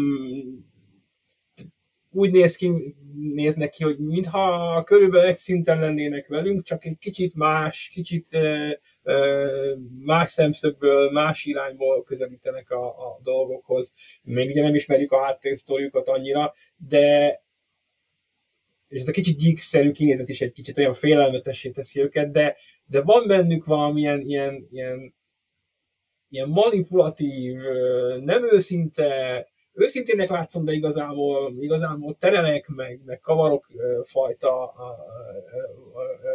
ilyen lelkiállapot, ami, ami ilyen, ilyen, ilyen nagyon zavaró, és ezzel a külsővel, és egy, egy, egy, egy írtózó a dolog, nem, nem akarsz közel menni hozzá, de érezni, hogy, hogy, hogy ez azért nem egy átlagos gyík, aki eh, minden nap szembe jön. Ezért egy félelmetes a, a kardassziai, mint ellenfél, mert külsőre ijesztő. És amikor leülsz vele egy asztalhoz, akkor látod, hogy basszus, ez veled egy szinten van intellektuálisan. És ezért nehéz a, a kardassziaiakkal, ezt kimondani is mindig nehéz ezt a szót, de amúgy velük beszélgetni is, mert már a nézésük nem stimmel, tehát már nagyon jók ezek a színészek, akik így a maszkot keresztül, hát már Kalaimó, ne is említsük itt, már a maszkon keresztül érezzük, hogy ez már három-négy gondolattal odébb jár, és nem jókat gondol már a, a, a tehát ez tényleg csak a tekintetével adja át, de, de mégis megmarad ez a kvázi civilizált és kultúrált beszélgetésmód. Egyébként nagy poénok vannak itt, hogy amikor kéri, hogy a, azt a kódot adja meg a pikár, és a pikár olyan udvariasan visszautasítja az utolsó kérdésre, hogy tehát akkor kapitány megadja nekünk a kódot? Nem. És akkor így elsétálod, ez fantasztikusak ezek a jelenetek. Itt mondtátok, hogy a Pike nehezebb helyzetben van. Azért van szerintem a Pike nehezebb helyzetben, mert a Pikár azért itt világos utasítást kap az admirálistól, és neki azt, azt szerint kell eljárnia. A Pike meg belecsöppen egy hirtelen kirobbanó káoszba ott a, a Strange New Worlds-nek a végén, és ott hát, aztán tényleg ott rajta... Van, ott is van tiszta, majdnem tiszta felsőbb utasítás az Apriltől, hogy mit csinálhat és mit uh-huh. nem. Tehát azt azért megkapja, hogy ott ő nem csinálhat semmit és még egyelőre nem tudjuk, hogy mit csinál. Majd még két évig nem csinál kiderül, semmi. kiderül, pár év kérdése, és megtudjuk. Krisz, valamit akartál itt mondani az előbb? Ja igen, csak hogy a, hogy a kardassziaiaknak tényleg, hogy, hogy most a romulánok azok mindig ilyen kicsit ilyen teátrálisak voltak, tehát ilyen teátrálisan fenyegető, sunyi népség. A, a Klingon, meg a, az, meg a, a nagyot mondó, nem mindig olyan komolyan vehető, de, de úgy, úgy furcsög a, a vérbortól a, az egész. És akkor tényleg itt van egy ilyen kicsit ilyen, ilyen a hüllő hidegsége, és hogy, ahogy mondtad, tehát egy, egy, egy intelligens, és egyébként később is, főleg egyébként hát, a, a Deep Space Nine-ba Garak az, az a fajta logika, meg, meg meg verbális készség, ahogy ő ott így már, ahogy a szavaival milyen jól játszik, és milyen gyönyörűen terv a tervekvel, manipuláció manipulációval, tehát hogy ez így nagyon jól jellemzi a, a kardasziaiakat is, tehát egy, egy ügyes és egy, egy nagyon jó ö, ellenfél volt így a, a Star Trek franchise-ba. A teatrális része meg volt náluk is Guldugát révén, de, de a többi az a, az a, az a rideg ö, militarista. Igen, ilyen hideg, könyörtelen, Igen. és egy kicsit olyan diktatórikus, Igen. szóval, hogy Igen. no nonsense. Hát itt is, ahogy, ahogy például... kiderül róluk, lehet, hogy ez befolyásolja a véleményemet, hogy ők tényleg ilyenek. Nagyon hierarchikusak, ugye ez például a liftbe is, ahogy a, beszél, hogy egyből megdicsért, hogy milyen nagyszerű kapitánya van. Tehát, hogy, hogy náluk ez egy ilyen ilyen brutális ez a, ez a hierarchia, és ennek a tiszteletes. De a Deep Space Nine-ban is ugye ott, ott a, a gullokra hogy fölnéztek, tehát hogy a, a Dukátra is a Damár, tehát hogy úgy, úgy mindent a, az ő gúljáért. Úgyhogy nem úgy, mint a, a klingonoknál, hogy ott oké, okay, ott a kapitány, de azért ott így, neki, mint ilyen kutyafalkába, farkasfalkába, azért hogy mindig meg, kellett, meg kell küzdenie ott a dominanciáért minden vezetőnek hogy ott azért úgy mennek a kihívások, meg a klánoknak így a harcai. A romulánoknál meg hát hogy tudjuk, hogy ott aztán ott, hogyha mindenki három lépéssel előrébb van a beosztottjai előtt is, mert hogy... Ha életben akar maradni. Igen, igen, igen, igen. Aztán szerintem nem sokat aludna. Aminek nagyon tetszett, a, visszatérve a, az egyik liftes jelenetre, ahol O'Brien is ott van, a két Glinnek a viselkedése, ugye azt mondtad Csaba talán, hogy, hogy és akkor azt nem tudjuk, hogy miben sántikálnak, és rögtön gyanakszunk, és persze O'Brien is gyanakszik, és jól látjuk benne ezt az előítéletet. Aztán az egyikről kiderül, hogy jogosan gyanakszunk, mert nagy valószínűséggel tényleg titkokat árult el, vele kapcsolatos az egyik, ugye, amit mondani szeretnék, hogy, és akkor látjuk, hogy, hogy oda viszik a gul elé, és akkor nagyon-nagyon leteremti a gul, és akkor hogy tehetett ilyet, és stb. És hát nem tudom, hogy azért, mert láttuk a Deep Space Nine, de nem tudom még kinek volt ez a gondolata, hogy most nem azért teremtették le, amit tett, hanem azért, mert lebukott benne. Abszolút. Tehát, hogy megbocsáthatatlan bűnt követett el kardeszű szemekkel, lebukott. Ugyanakkor a másik, meg nagyon őszintének tűnik, végig őszintének, és ugye az történik, hogy két katona, akik különböző oldalon harcolnak, körülbelül ugyanabban a, a pozícióban vannak, valahol megpróbálnak kapcsolatot teremteni egymással. És egyébként ez, két, egyik a másik. Két szempont, mert ez két, ez egyik jó zsarú, a másik rossz zsarú, tehát már a liftben is az egyik így csúnyán néz, a másik meg barátkozik. És... Ez lehet jó, jó zsarú, rossz zsarú, vagy nem. Én, én nem jó zsarú, rossz zsarúnak vettem. Én nem zsarúnak vettem, hanem hogy létezett ilyen a második világháború alatt is, hogy, hogy kihagyva azt, hogy a főnökök miért harcolnak, időnként kapcsolat teremtődött a katonák között, illetve most háború után vannak, hogy próbálnak ugye újra valahogy utat találni. Ugye nehéz megmondani egyébként, hogy zajlott ez a háború, mert a visszaemlékezések azt mutatják, hogy annak, hogy a csillagflotta valószínűleg erősebb volt, mint a kardasziak, de csak a kardasziak támadták a csillagflottát, és minden atrocitást csak a, csak a csillagflotta ellen követtek el, hát mégsem mondhatjuk, fordítva történt, de, de hogy igen, de mégis ez a film most megpróbál valahogy kapcsolatot teremteni azzal, akiről tudja, hogy... Hát ahogy ismerjük a kardassziaiakat, és ilyen szempontból ez egy jó bemutatkozás, hogy nem olyan, mint a Ferengiknél, hogy eleinte csapkodtak az ostorral, és utána tovább fejlődtek, hanem amit most kapunk, a küllemüktől eltekintve, szerintem már készen vannak a kardassziaiak, tehát a, amit a későbbiekben látunk, a Bajori megszállás, vagy bármi, ami a DS9-ban van, azt vissza tudjuk ide vetíteni, hogy hát itt is azért el tudjuk képzelni, hogy mit műveltek a, a kardassziaiak abban a bizonyos háborúban, és O'Brien egy az, azért egy jó karaktere ennek a, ez egésznek. maxwell ugye nem találkozunk, csak a végén. tehát mint PTSD, vagy mint bosszúvágy, vagy mint a háború lenyomata, az ilyen szempontból távoli, és nem teljesen adja még át az epizódnak ezt a feldolgozatlan részét, viszont azért jó az O'Brien, mert ténylegesen inkonzisztensen viselkedik, és ebből látszik, hogy ez nagyon nincsen benne elrendezve ez az egész, hogy mi történt, és nagyon nincs feldolgozva, hogy ő most hányadán áll ezekkel a kardassziaiakkal. Van valami gyűlölet benne, de azért nem szeretne gyűlölni, de azért, azért mégsem tudja ezt elfelejteni szó nélkül. Tehát egy folyamatot látunk az epizódban, mint mondjuk múltkor, amikor Troy feldolgozta az ő veszteségét. Itt is valamiféle folyamat van, csak ehhez még annyira sem értek pszichológiailag, hogy a PTSD-nek a fázisai azok hogy mennek, és itt, itt nagyon jó az O'Briennek ez a vergődése, vagy nem tudom, hogy nevezzük ezt, hogy egyik, egyik állapotból esik a másikba, és Keikónak is harmadik számban beszél, hogy nem mindenki dolgozta még föl ezt a kardassziai háborút.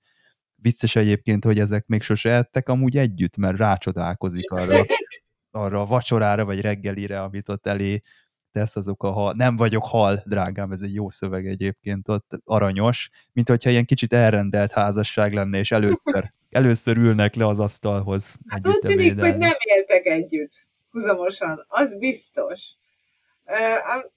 Ami egyébként azért előfordult a 80 Tehát randiztak, gondolom, még, a csillagbárban, ott ettek együtt, gondolom.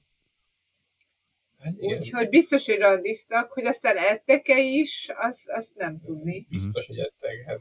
De valahogy lehet, hogy nem jött össze, hogy a kej pont lehet, hogy mindig pont minden nem. reggelre pont olyan reggelit teszik, amit az O'Brien nagyon imá- utál, vagy akkor a randin esznek különböző dolgokat, de most meg kell ismerni egymás főztjét, stb. Én egyébként azt próbáltam kitalálni, hogy vajon az, hogy ők egymás főztjével most ismerkednek, az csak azért van, hogy kapcsolat az előző epizóddal, hogy mégiscsak most házasodtak össze, vagy ez valami kicsit, kicsit vehetjük-e valami metaforának? Vagy Ilyen kultúrák közötti? Vagy a kultúrák között Aha, valahogy át kell hidalni azt a különbséget, és igen, ebből a szempontból ránézünk a történetre, de egy picit talán nézzük meg a másik irányból is, tehát, hogy kicsit össz, visszavet, leginkább ahhoz a jelenethez, amikor az O'Brien végül is mégis esélyt ad annak a Cardassiai Glinnek, és elmegy beleinni, hogy ad, ad egy esélyt, hogy a másik kultúra ne utálja csak azért, mert ő egy másik kultúra, és mert egyébként neki rossz tapasztalata volt azzal, kicsit erőlteted, nem tudom, hogy szándékos volt-e ennek a párhuzama, vagy nem. Kell-e keresni párhuzamot? Az biztos, hogy egy, a nyitottságra egy nagyon jó szimbolika volt. Tehát akár tudatos volt, akár véletlen, igazából így működőképes. És hogy így talán még O'Brien Mice számára se volt talán még így tudatos, hogy mondjuk a, a karaktere mondjuk ott, abban az adott jelenetben, hogy lehet, hogy ott abba a hévben nem is gondolkodott el, hogy tényleg milyen fontos a, a nyitottság, hogy megismerjük egymást. De utána tényleg nagyon, ugye Pikár hatására így, így nagyon szépen elkezdett így nyitni.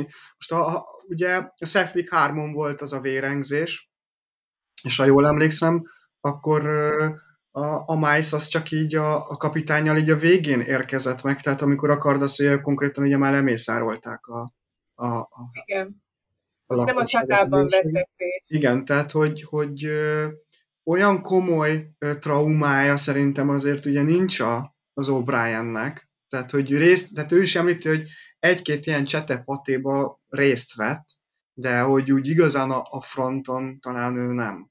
Ez majd később ugye azoknál a, az embereknél, akik tehát például a Deep Space Nine-ba, meg egyébként a, nem, itt is visszaköszönnek, ugye már, már bejönnek majd a makik és ott sokkal jobban érezhető a kardassziaiakkal való konfliktusnak a, a nyoma az adott karaktereken.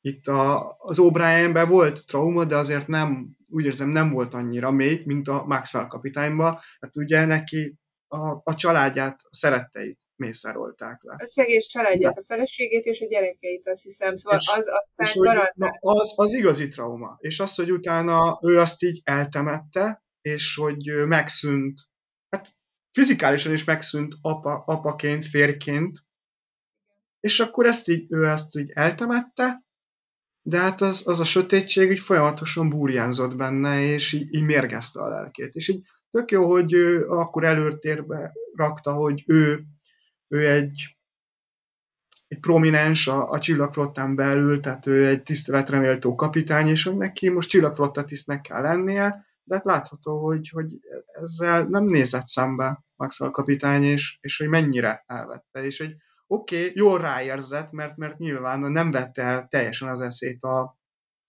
a tragédia, meg a fájdalom, úgyhogy nagyon jól mérte föl a dolgokat a kardasziaiakkal szembe, tehát hogy nyilván rájött erre a turpisságra, de ahogy már említettétek korábban, az, az eszköz az, az nem szentesítette így se a, célt. Igen. Tehát, hogy így, így neki esett, ez, ez meg már egyértelmű, hogy itt a trauma fölülírta azt a, azt a logikát, amit a csillagkatta megkövetel. Igen, azt egyébként nem is tudom, neki volt-e parancsa erre, de hát gondolom, mivel béke van, szóval, hogy neki... Maxwell biztos, hogy nem volt parancsa, tehát itt, itt kijött az, hogy... hogy nem szabad rátámadni a kardeszék, de mondjuk a békekötés maga azt mondta, hogy nem szabad.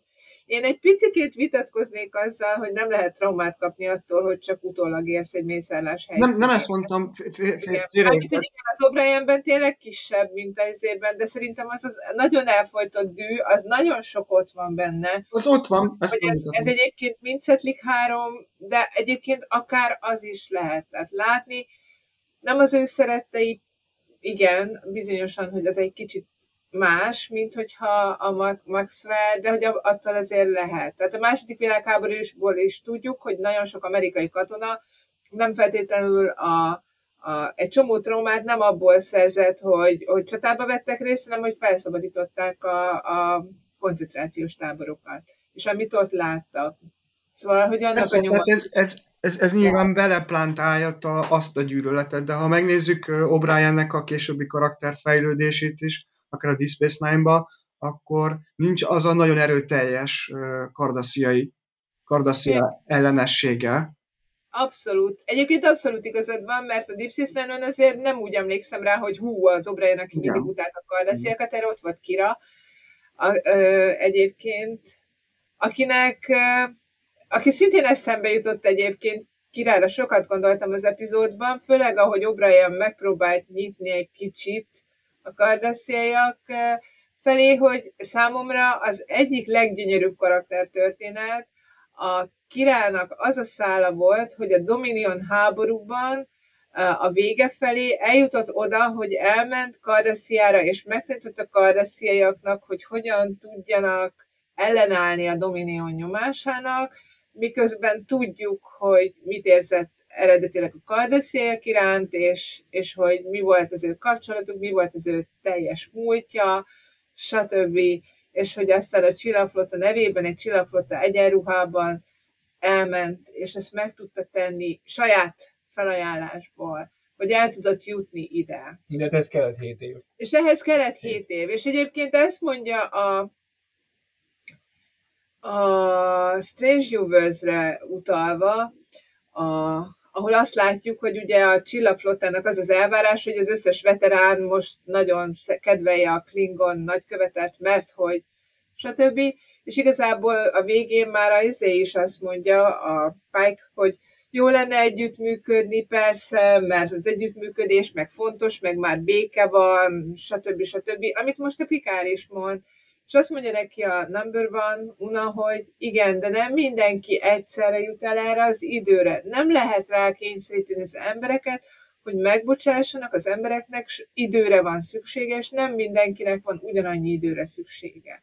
Királynak 7 évre volt szüksége arra, hogy, hogy ezt maga mögött tudja. Azt látjuk, hogy a csillagflotta tisztek nagy hangsúlyt fektetnek arra, hogy akkor ma elvesztettem valakit, holnap után legyek jól, és ezt láttuk a Lost című epizódban a, a Brook zászlósnál is.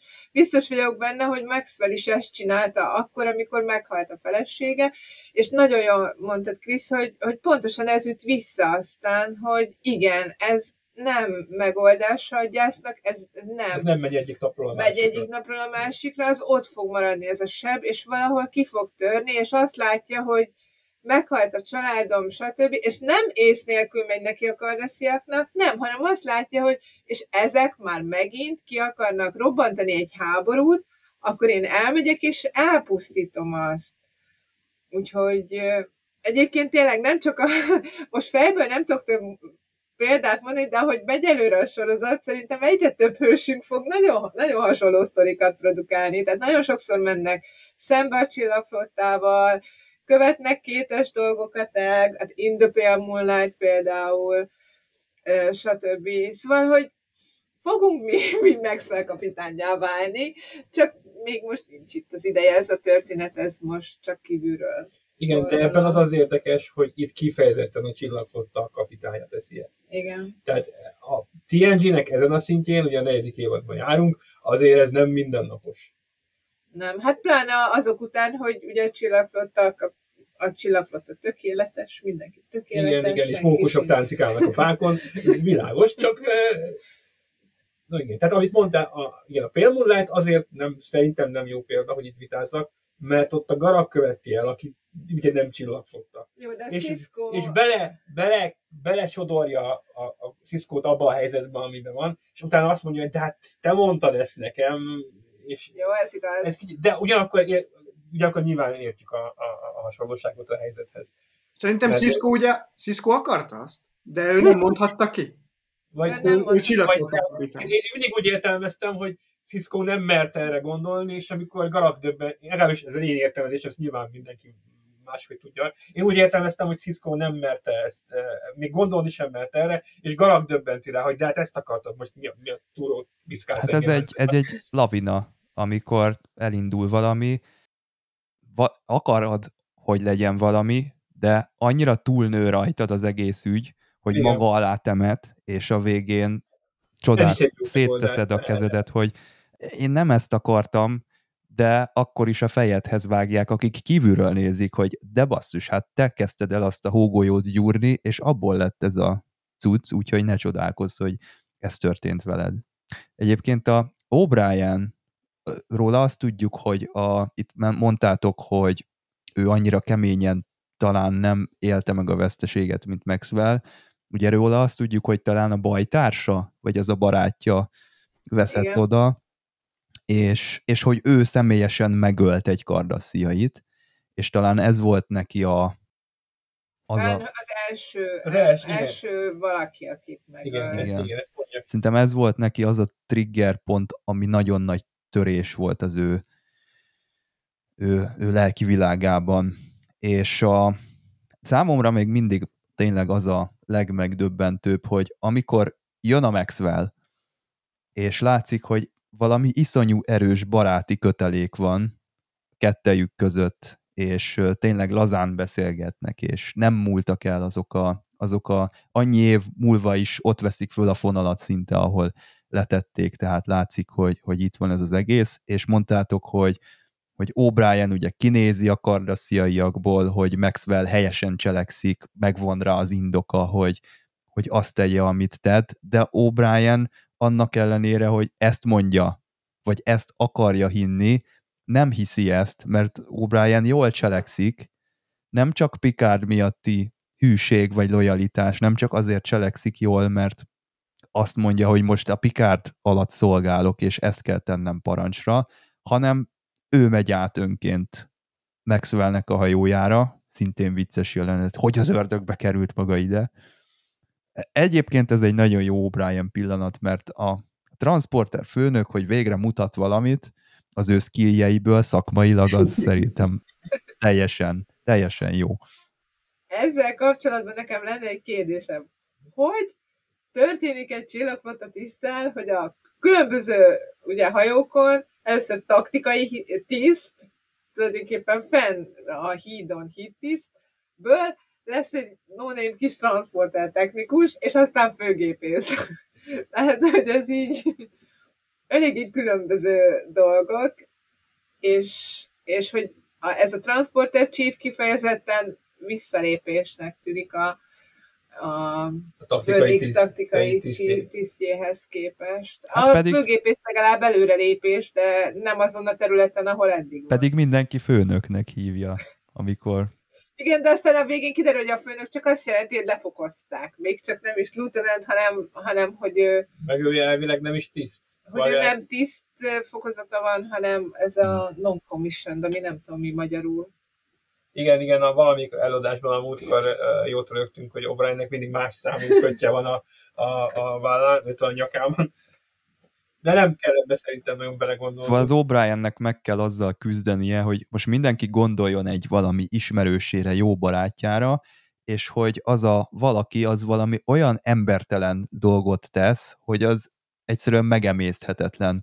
És ezzel kell neki szembenéznie, hogy nem hiszi, nem tudjuk elhinni arról a Maxwell kapitányról, és külsőleg sem tudjuk, amikor találkozunk vele, hogy ez egy szörnyeteg. Szóval ez, a, ez az egyik legdurvább aspektusa nekem itt a, ennek az epizódnak. Ugye ti nem lepődtettek meg, amikor megjelent a Maxwell kapitány, és amikor már, ugye várjuk, az epizód kétharmadánál jelenik meg, és amikor megjelenik, akkor ugye kedves, jókedélyű, akárki, nem tűnik annak a monsternek, amiről beszélsz, akit vártunk a, a, az epizód eleje nyomán. Igen. Ilyen teljesen fura volt az egész. Zavarba ejtő. Ugye?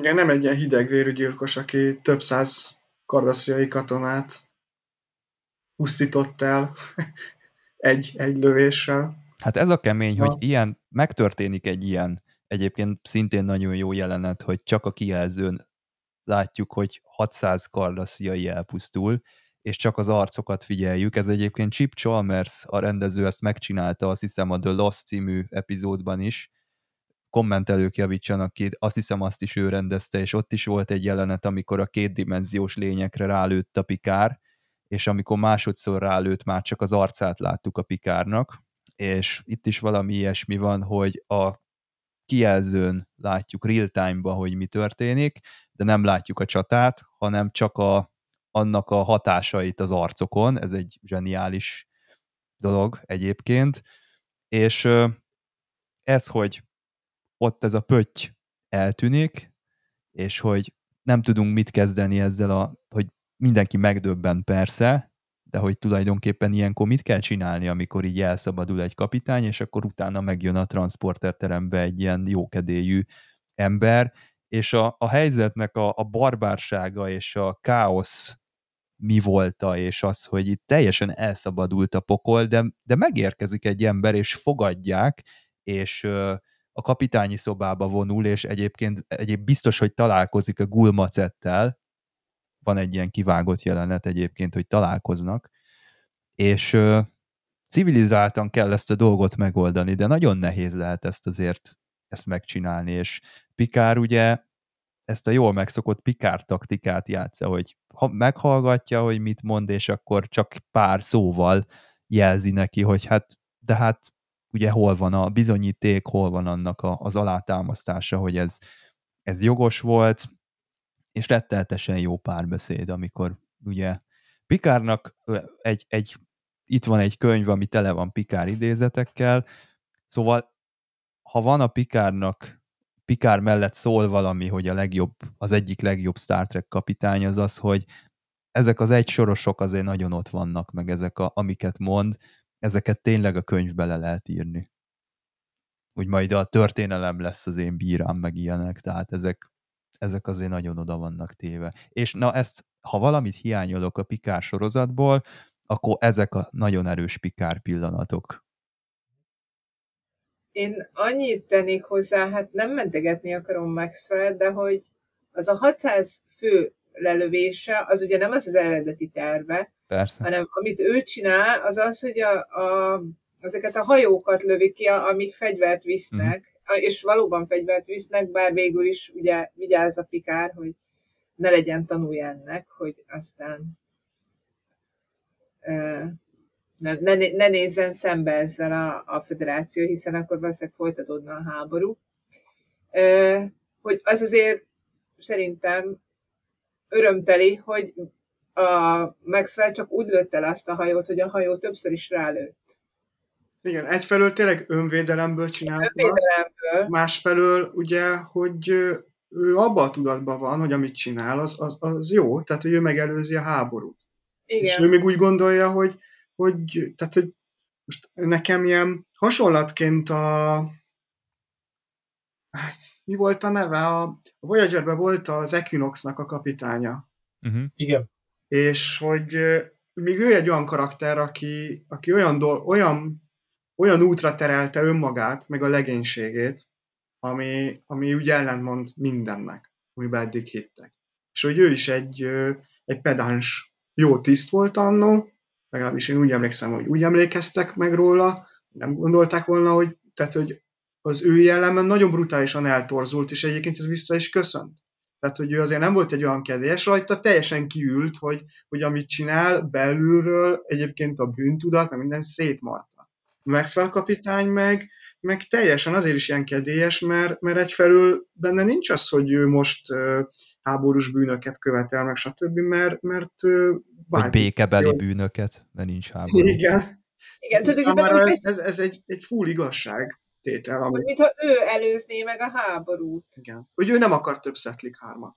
Igen. És hogy, hogy ő, ezt így föláltozza önmagát, meg így a, a renoméját. Tehát, hogy neki nem, nem számít ez. Egyébként még, meg, meg hát nyilván belül rájött, hogy, hogy, hogy a gyász alatt így, így rájött, hogy, hogy minden, amit elért, az, az semmit nem, nem számít. Érdekes, Főleg, hogy arra nem gond... még fenyegetik is a, a. Igen. Arra nem gondol egyébként egyből a Maxwell, hogy a Pikár az azért jött, hogy őt visszavigye, tehát ő próbálja bevonni a, a Pikár kapitányt, Igen. hogy na hát akkor kapjuk el őket, meg mit tudom én, és nyilván azért jött, hogy hát ezt be kell fejezni, ami, a, mert ez parancs megtagadás, vagy nem tudom, tehát a békeegyezmény ellen ö, történik itt nagyon súlyos atrocitás, és, és ő úgy áll hozzá, hogy na, hát itt a Pikáret, ez egy jó kapitány, és akkor vele együtt fogjuk ezt, ezt folytatni, de igazából az a súlyos, hogy arra nem is gondol szerintem, hogy, hogy hát nem, hát ő, ő itt megszegte ezt a békeegyezményt. Akkor kimondja azt, hogy érzem, azzal, azzal kb. el is veszíti a, a nézőknek is a, a, a, a szimpátiáját, mert akkor itt már rájövünk, hogy hogy tényleg a Pikárnak van igaza. Mert hogy ez nem, ez, ez nem logikus magyarázat, nem ért, hogy, hogy érzem, hogy ők rosszak, meg rosszban igen, igen. igen, de amikor a Pikár megerősíti a végén, hogy a, és a Massettel, akkor meg visszatérünk ide egy picit. Az meg már olyan, mintha Sziszkót látnánk, amikor a Pikár úgy viselkedik, hogy figyelünk titeket, tehát... Igen, igen, teljesen. Én még egy picit visszahozom, megint a Strange New worlds hoznám, csak most egy harmadik analógiát, hogy mivel azt láttam legutoljára, hogy a második szezon első részt hoznám fel. Spockék elkötnek effektíve. Ja, az Enterprise. Aha. És aztán utána kilőnek egy másik föderációs hajót, amin meghal egy csomó Klingon. Miért csinálnak ilyet? Parancs ellenére vannak parancsot szektek, amikor elvitték a hajót, parancsot szektek, hogy ott kavarnak valamit, és megölnek egy csomó klingont, amiből elvileg még ugye kiújulhatnak klingon háború, de persze más a szituáció, mint a Maxwell esetében, de miért teszik ezt? Mert úgy tudják, hogy a hajó le, az kirobbantaná újra a Klingon háborút, mit tesznek? Nekik morális kötelességük megakadályozni. Tehát voltak éppen az érvelésük teljesen ugyanaz, mint Maxwellé, annyi, hogy Maxwell mögött van ez a trauma, ami még hajtja őket, ami Spocknál nem áll. A legénysége között számos ember van, akiknél igen, a Gigált is ott halljuk először, és a Gigál egy nagyon hasonló történet Szetlik 3-hoz, de pont ugye az a két karakter az a hajón van, de mindegy, a lényeg az, hogy Spockot ez annyira nem vonja be, de hogy az a morális dolog, hogy itt ez a hajó, meg kell akadályoznom, azt látjuk másik szögből, és csak arra próbálom felhívni a, a, a figyelmet, hogy milyen érdekes, hogy, hogy néha kicsit változik az, hogy honnan nézzük, és hogy... Spockot, hogy, annyi, Spockot annyiba is föl lehet menteni egyébként, hogyha a hadbíróság elé került volna a karaktere, hogy Spock akkor érvelhetett volna azzal, nyilván kicsit így, most ez ilyen poém talán, hogy, hogy igazából ő nagyon jól tudta, hogy a Klingon kultúrában, hogyha harc által halnak meg, akkor biztos a sztovokorba kerülnek, tehát hogy ő lényegében végül is nagyon kulturálisan és nagyon előzékeny volt, amikor ő Ez biztos vagyok benne, hogy az fog megjátszotta volna a. Ez lett volna a logikus Hát, döntés. Igen. Mondás lett volna azt mondja, hogy de hát én főszereplő vagyok, megszereplő vagy csak egy epizód szereplő volt. soha nem láttuk még. Soha nem láttuk még eddig. De egyébként Hát hát a- ez nagyon, hogy a, a Maxwell-t játszó színész, az egyébként gyakran, amikor így különböző filmekben, sorozatokban ö, ilyen mellékszereplőt játszik, akkor általában mindig egy ilyen ellenszenves, negatív Bob Gunton a színész. figura. Nagyon És- ismerős nekem, Most, biztos, most hogy ahhoz képest egész szimpatikus. Igen. tudtok mondani Igen. ilyen szerepeket, mert nekem nagyon ismerős az arca, de Én, a, én láttam őt, a remény rabja, jó nő volt a börtönigazgató. Ő aha, volt a Ő volt a börtönigazgató. börtönigazgató. Ő tényleg egy nagyon negatív szereplő, Igen. de legalább jól megkapja a magáét. A, az O'Briennek az a mondata, szerintem az az egyik legerősebb mondat, hogy amikor mondja, hogy nem tudom pontosan idézni így magyarul, hogy nem feltétlenül ugye a kardasziakat utálja, hanem, hanem azt, amivé vált általuk. Igen, ez egy És nagyon jó nagyon. Ez így, így tök jól leírja ezt az egész szituációt. Igen. Meg ugye egyébként így a hasonló eseteknek, tehát hogy így háborúban, tehát hogy így háborúban nem feltétlenül az ellenséget gyűlölik meg a másik katonát, hanem amivé mi válunk a, a mocskos háborúk által, hogy ez, ez az értelmetlen vérontás. Aminek. És ugye ott a, a, a Glynn-nel is, amikor beszélget, hogy, tehát, hogy ő is, ő se értett egyet ezekkel. Tehát, hogy hát igen, két szerencsétlen igen. ült ott egymás mellett, és amit az O'Brien kimond, nyilván nem mindenki jut el ide, hogy szétválassza a gyűlöletét, hogy én nem téged gyűlöllek, hanem azt, amivé váltam.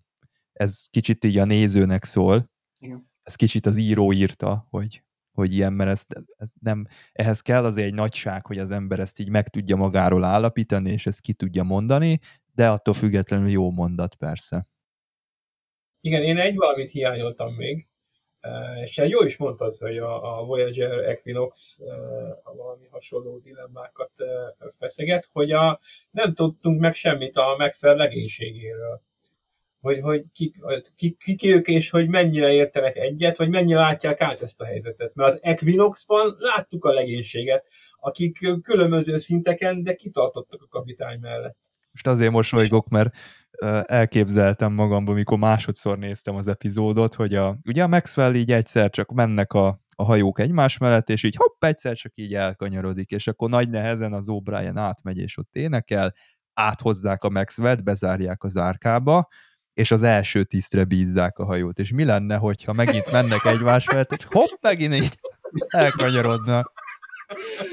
Igen, a, Hát ki mondta, hogy csak a kapitány lophatja el a hajón? Hát a első tiszt azért van. Azért mégiscsak be kéne vontatni szégyen szemre azt a főnixet. Nem valószínűleg, amikor a, pi- ö, nem is, amikor a Maxwell átmegy, szerintem ott ő már önként megy át, és ezért nem megy az első tisztel.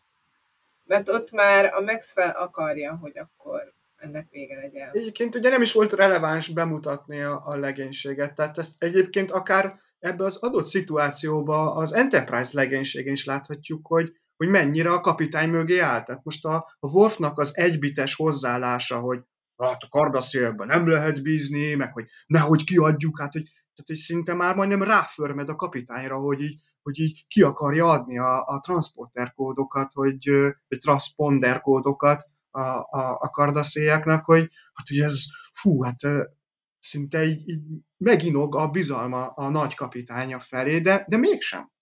Tehát megcsinálja. Igen, mert követi a parancsokat. Tehát, hogyha ha, ha egy ekkora zászlós jön, nyilván a, a, a, a, Phoenixnek a, a, a legénysége is követi a, a kapitánynak, mert bíznak. Hát gondolom ugyanúgy össze... Tehát, hogy meg egyébként O'Briennek és Maxwellnek a kapcsolatán is láthatjuk, hogy vajon milyen lehet a legénységgel való kapcsolata. Tehát, hogy az ők igazi bajtársak, és és, ahogy, és ahogy mondtátok, biztos az volt, hogy a kapitány mondta, hogy srácok, én átmegyek, és belátom, hibáztam, nem akarom, hogy ti ezt így kövessétek, ezt az utat, és stb. stb. és, és oké, okay, ezt így elfogad. Tehát, hogy- Egyébként többször is láttunk mostanában olyan szituációt, amikor a kapitány felajánlja a legénységnek, hogy akkor most olyat fogok csinálni, ami nem tiszta, aki akar, az most elmehet, nincs semmi Onnantól gond, kezdve bőrkabátban vannak a hídon.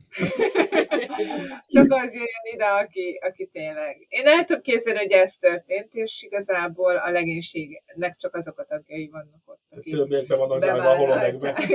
Hát ez akkor kérdés, amikor ugye az O'Brien átsugároz, és a nem tudom hova sugároz, de mondjuk a transporter terembe, és ott átjön az egész legénységen, és a Maxwell kapitányhoz csak úgy bemegy az ajtón, és semmilyen ellenállás. Nem, nem úgy kíséri be az első tiszt, mint a Maxwell-t a Pikárhoz, hanem hmm. csak úgy besétál, és akkor Hát közvetlenül az ajtó elé transportált, hogy Lehet. be tudjon kopogni. És akkor a hídon azt látják, hogy egy ember megérkezik, és bemegy a kapitányhoz.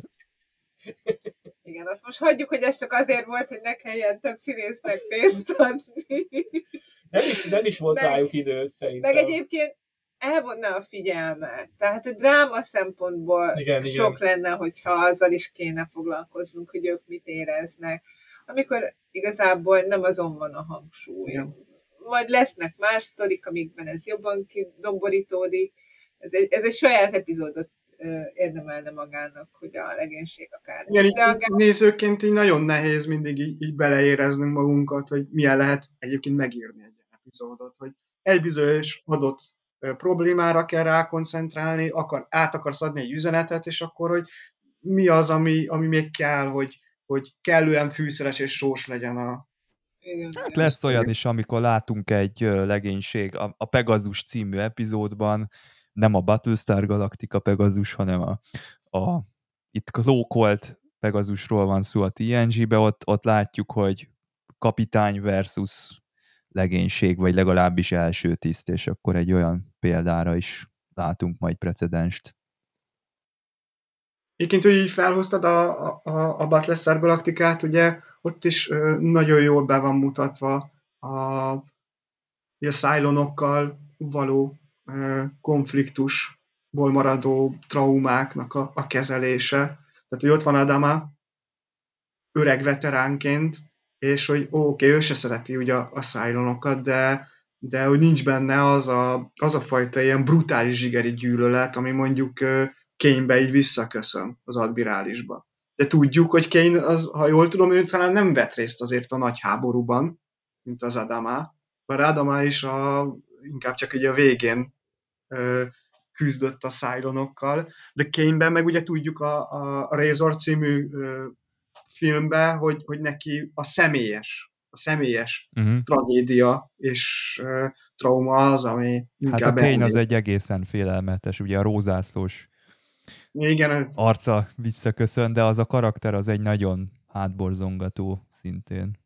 Nagyon, ő egy nagyon jó színésznő, és mind a két karaktere. És a, egyébként, ha már Picardot így felhoztuk, a, a, a Rózászlósnak nagyon jó volt így a, a harmadik évadban a, így a behozása. Tiszteletkör. És... Igen. igen, abszolút. Nagyon. Igen, de egyébként a Battlestar Galacticában a Kane mondjuk az egy nagyon híres, hogy az egy összehasonlítható tényleg itt a maxwell csak sokkal kegyetlenebb módon és sokkal durvább módon. De azért ott az egész karakterív arra megy rá, hogy, hogy hogyan lehet megbocsátani, vagy tovább lépni abból a traumából, ami a rombolás, tehát hogy nem az eredeti háború, hanem az, hogy most elpusztították. Igen, hát nyilván ez egy, egy rossz analógia volt végülis részemről, mert, mert ott kiirtották az egész igen, igen. és akkor és, most akkor... És, és tényleg az, hogy, hogy a, a, ez a végén nagyon érdekes, hogy, hogy a végén mégis együtt dolgoznak azokkal a renegált szájlonokkal, és van, aki már nem tudja megtenni ezt a lépést. És akkor van a polgárháború például, mert hogy azért tör ki a polgárháború, mert hogy a rosszinék már meg tudják tenni, pedig ők is nagyon sok traumán mennek keresztül, hogy eljussanak addig a pontig, hogy elfogadják a renegát szájlonoknak a, a segítségét, és van, aki ezt nem tudja megugrani. Ja, ha visszaugrunk ugye a kardasziai konfliktusra, akkor itt meg ugye Eddington-t lehet még behozni. Igen. Hogy na ő az, aki, aki ugyanúgy nem tudott úgy, úgy túlvergődni azon, amit a kardasziaiak műveltek a, a, a vadvidék környékén. Tehát, hogy... Igen. És ez nagyon sokszor úgy jön ki a sztoriból, hogy hát pedig a hőseink túljutnak, ő miért nem, de akkor még tényleg azt mondom, hogy szerintem nagyon jó volt ez a mondás, hogy, hogy mindenki máskor jut el, vagy nem lehet elvárni, hogy csak azért, mert nekem most sikerült túljutni, akkor ő meg miért nem jutott el 5 perccel később. Egyébként az, amikor felhoztad a, a, a kírás részt, konkrétan libabőrös lettem, mert az a, tényleg annyira szép volt az a rész ott. Egyébként, Dam, de egyébként Damárnak a pálfordulása is, hogy, vagy inkább jellemfejlődése, hogy ugye egy, de ő is egy ilyen az a nagyon lojális, rideg, kb. tényleg mint egy ilyen szociopata, aki ott követi a, a, azt a látrális majmot ott, és, de hogy utána mennyire, mennyire emberibb lett az ő karaktere, hogy rájött, hogy azért több, mint egy ilyen buta katona, aki követi a, a buta parancsnokát, és nagyon szép lett az ő fejlődése is, meg a hősi halála, meg stb. Tehát Kardassziának így a, a végkifejlete ott a Dominium háború végén, az, az nagyon, nagyon szép lett, és, és tényleg az, hogy így Kira is elfogadta azokat a dolgokat, ugye korábban is, ha úgy veszük, akkor triggerelve volt a, a, a Dukát lánya által is. Az és őt is elfogadta. Igen. Dukátot az nem. Ziál, igen, igen, Toraziál. Igen, tehát hogy az is egy, egy, egy kemény sztori. És, és, úgy, és úgy, hogy a, a Damár az, aki végül is elvette az életét. Igen. A leányzónak, és még így is képes volt, és segíteni, tisztelni. Ez, ez, ez nagyon kemény lehet, hogy amikor van egy háború, és örülünk neki, hogy mi a saját bőrünkön azért úgy nem érezzük, mint ahogy a, akár a sorozatbeli esetek, hogy, hogy megnyílni a másik kultúra felé, elfeledni ezeket a, a traumákat, ez, ez, ez biztos nagyon kemény munka. Nagyon nehéz. És ezért mondtam hogy az elején, hogy, hogy oké, okay, O'Briennek voltak hatások, trauma, meggyilkolt valakit életében először, és ez, ez, ez, ez nagyon kegyetlen teher, de hogy nem összehasonlítható mondjuk királynak a, akár az élményeivel, vagy jelen esetben Maxwell kapitánynak. Igen, igen. Főleg, hogy jön az a, az a jelenség, amit Isu mondott az elején, hogy vannak olyan háborús fényképek, ahol a, a lövészárokba összebarátkoznak ugye a, az ellenséges katonák, és itt is valami ilyesmi jut eszembe, mikor O'Brien ott leül sörözgetni. Az első világháborúnak az ugye ilyen közismert anekdotája, hogy, hogy ott karácsony környékén küldözgették a, a képeslapot, hogy kimentek cserélgetni, Focista. Így szivart, igen, tehát, hogy, hogy ezek, ezek egyszerű emberek voltak. Ezt, ezt több történész is kimutatta az összes háború során, hogy, hogy volt egy nagyon jó könyv, egy valahol valamelyik Benelux államnak a, az egyik történésze. Írta egy fiatal történész, és például azért a, a háborúk történetéről, yeah, és hogy például megemlíti, hogy, hogy meg, megvizsgálták a, a régészek, a történészek a, a, a puskákat, amik mondjuk akár a, a 18. vagy 17. századi puskákat, és hogy, hogy nagyon sokat igazából nem is ütöttek el. Csak mm-hmm. töltötték, még egyszer megtöltötték, még egyszer megtöltötték. Így a legtöbb katona nem, nem akart gyilkolni. Félt is a haláltól, és nem is akart halált osztani. Tehát, hogy, és valószínűleg egy, egy ez nyilván a Deep Space Nine-ba, amikor uh, ott nem tudták ezt bemutatni, mert ott, ott volt egy uh, teljesen, tehát genetikailag fanatizált faj ellen harcolnak, ott ugye a, a nogék azon a bolygón, tehát hogy ott, ott elképzelhetetlen, hogy majd a Jemhadarokkal ott együtt cserélgetik a ketracelt, meg a latinumot. Hát nehéz ügy, mert ugye vannak ezek a szituk, amikor a a szerencsétleneket egy csatába így egymásnak irányítják, és akkor nem sütik el a fegyvert, meg van egy olyan szituáció, amiben O'Brien részt vett, ami egy csúnyább ennél, mert ott konkrétan portyáztak a kardasziaiak a civil ö, lakosság között. Hát és ez, ez egy genocidium, tehát oda becsöppenni, azt végignézni, ember legyen a talpán, aki, aki a következő pillanatban nem akar menni, és fézerrel szabdalni a, a kanálfejűeket. Tehát, hogy ez... Igen, ezek mind nagyon jók egyébként az ilyen epizódok, amik, amik ezeket a sötét dolgokat így, így bemutatják. Főleg a, a, valahol volt írva így a, a Memorial Alfán is, ugye a történet háttereként, hogy, hogy zajlott a, az elsőből háború. Ekkor tehát, hogy tehát nagyon szépen reflektál. Egy, amit egyébként a Star Trek nagyon sokszor csinál. Mert szerintem az volt, hogy ellen reflektál. Persze, csak bemutatja azt, hogy uh, nyilván a, a Star Trek úgy reflektál, hogy, hogy uh, egy ellenpéldát akar mutatni. Egy, igen, igen. Hogy... Tehát ott ugye pont az amerikaiak nagyon bele akartak menni a háborúba, itt meg ugye pont a csillag. Ugye a kormányzat, tehát ezért tegyük hozzá, hogy ott nyilván a... a... Meg gondolom nem az egyszerű amerikaiak otthon ült, nem ő szeretett volna, hanem hanem igen. De egyébként, pont... egyébként vicces lett volna, hogyha valamelyik Star Trek sorozatban például bemutatnák azt is, hogy, hogy akár a Dominium háború idején, hogy például az egyszerű földi emberek hogy gondolkodtak a háború. Hát, talán ez öreg Cisco nem mond valamit erről, mert ott talán, vagyunk. igen, rajta keresztül azért valamennyire képbe kerülünk. Talán az van legközelebb az még, még, még, még egy, nagyon, egy nagyon ikonikus rész jut eszembe a, a hogy hogyan tudunk megbocsájtani. Hát a, a Körk, amikor ott csücsül a, a kancellárral. Igen. Ugye a nem ismert tartomány során, és hogy, hogy, hogy ő is milyen nehezen tudja. Tényleg a Körk is egy ilyen terhelt karakter azért igen, már hát ő aztán elég keményen, igen. És, és ő ugye alapból egy nagyon temperamentumos, tehát hogy Picard képes meg több kapitányhoz, tehát ő aztán úgy nagyon szenvedélyes, és úgy látszik is, hogy ő azért úgy nehezen tudja, egy idős fejjel is, pedig már nagyon régóta nem, nem harcoltak a klingonokkal.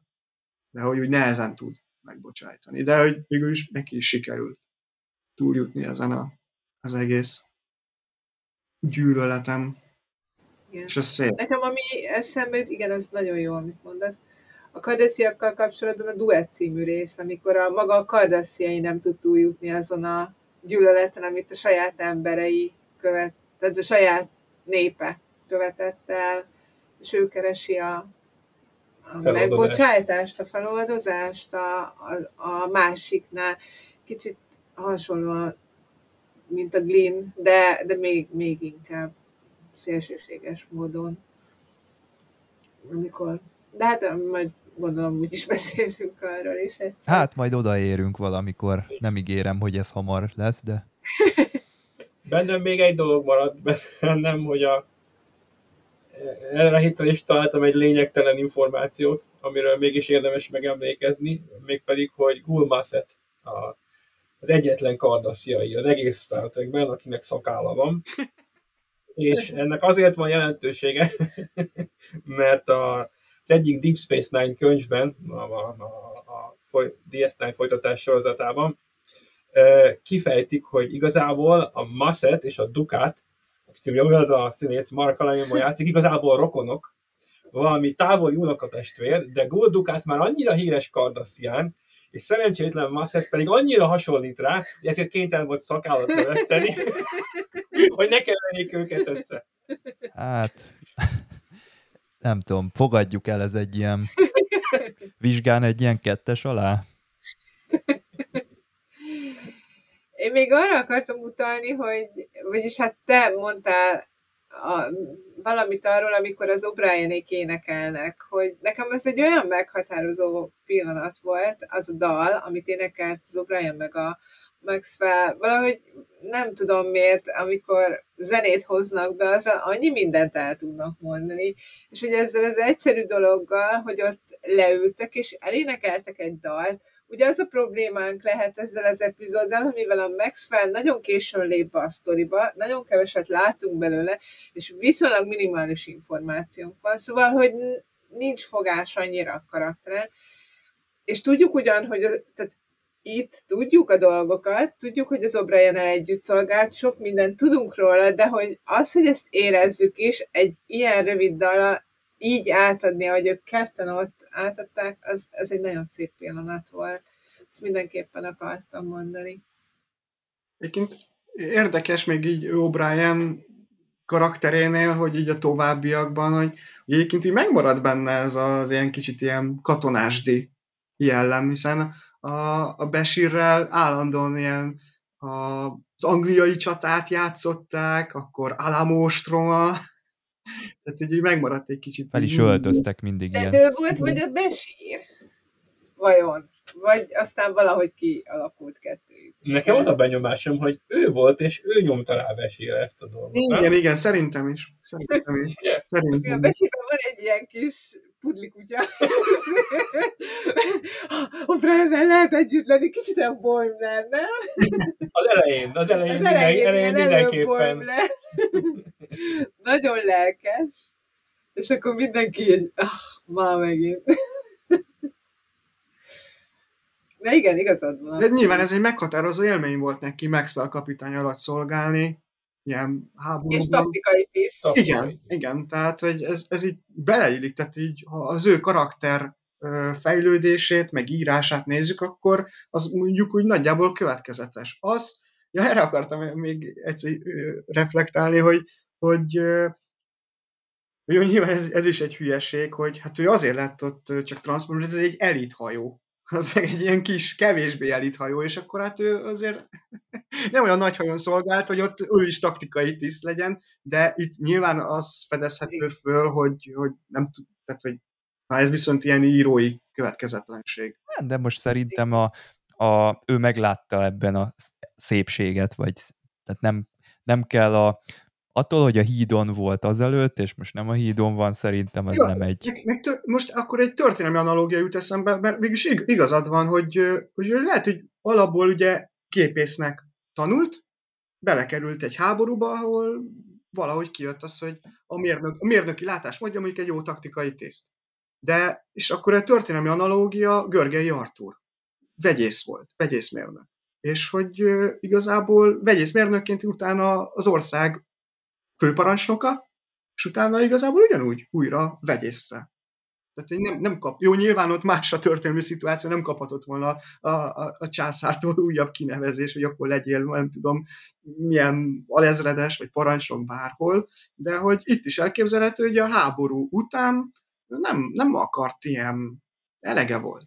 Szeretett volna egy kicsit ilyen nyugis dolgot, és akkor kapott ott egy ilyen lehetőséget, és Nyilván ez nem lett így kifejtve a sorozatba, de bele lehetne tuszakolni egy utólagos regénybe, hogy győzködték, hogy jaj, nem áll Miles, hát a te képességeid, és akkor nem, nem, hagyjatok, hagyjatok. Hát én szeretnék a családot, egy aranyos feleséget, egy aranyos kislányt, nem, nem, nem érdekel engem itt a taktikai, elég volt. Elég volt az. Epic 3 meg a többi. A És a rajongók munkaidőben meg mindent. Ez nem kell. mindent meg Neki tudnak nagyon jó, hogy a, nem tudom, állámóta eljátsza, és akkor yes. Neki ennyi elég. Vagy lehet, hogy át akarja képezni magát főgépésznek, és ahhoz először még a Transporter Chief izét Ja, mint a McDonald's-ban, hogy végig kell járnod a különböző posztokat. Hát mert a izében is látjuk néha a tosban, hogy a Scotty kezeli a transportert, szóval a gépészek azok időnként csinálják ezt, szóval Hát. Meg hát ugye több műszak van, azt nem tudhatjuk, hogy ő megy, lehet, hogy az egyik műszakban egyébként ő váltja a Jordi. Csak hát ez soha nem volt bemutatva, mert, mert ez nem, nem releváns. Úgyhogy O'Brienről még annyit akartam mondani, hogy a Redditen mindig megnyeri azt a, azt a versenyt, vagy ö, polt, hogy a legtöbb az a karakter, akire a legtöbb izé, negatív dolgot dobják rá az írók. Tehát a De az legszerencsétlenebb. a DS9-ban lesz, nem már? De ennek a nagy része a Deep Space Hát valahol itt kezdődik, és akkor Hmm. megy a Deep Space Nine-ba. Szerintem egyébként nagy a versengés, meg most szerintem az új sorozatokban is vannak új belépők, de hogy, de hogy ő szokta ezt megnyerni. De főleg a, igen, a Deep Space Nine-os dolgai miatt. Bár most nyitott szemmel járunk, hogy megnézzük, hogy vajon a TNG-ben a közeljövőben.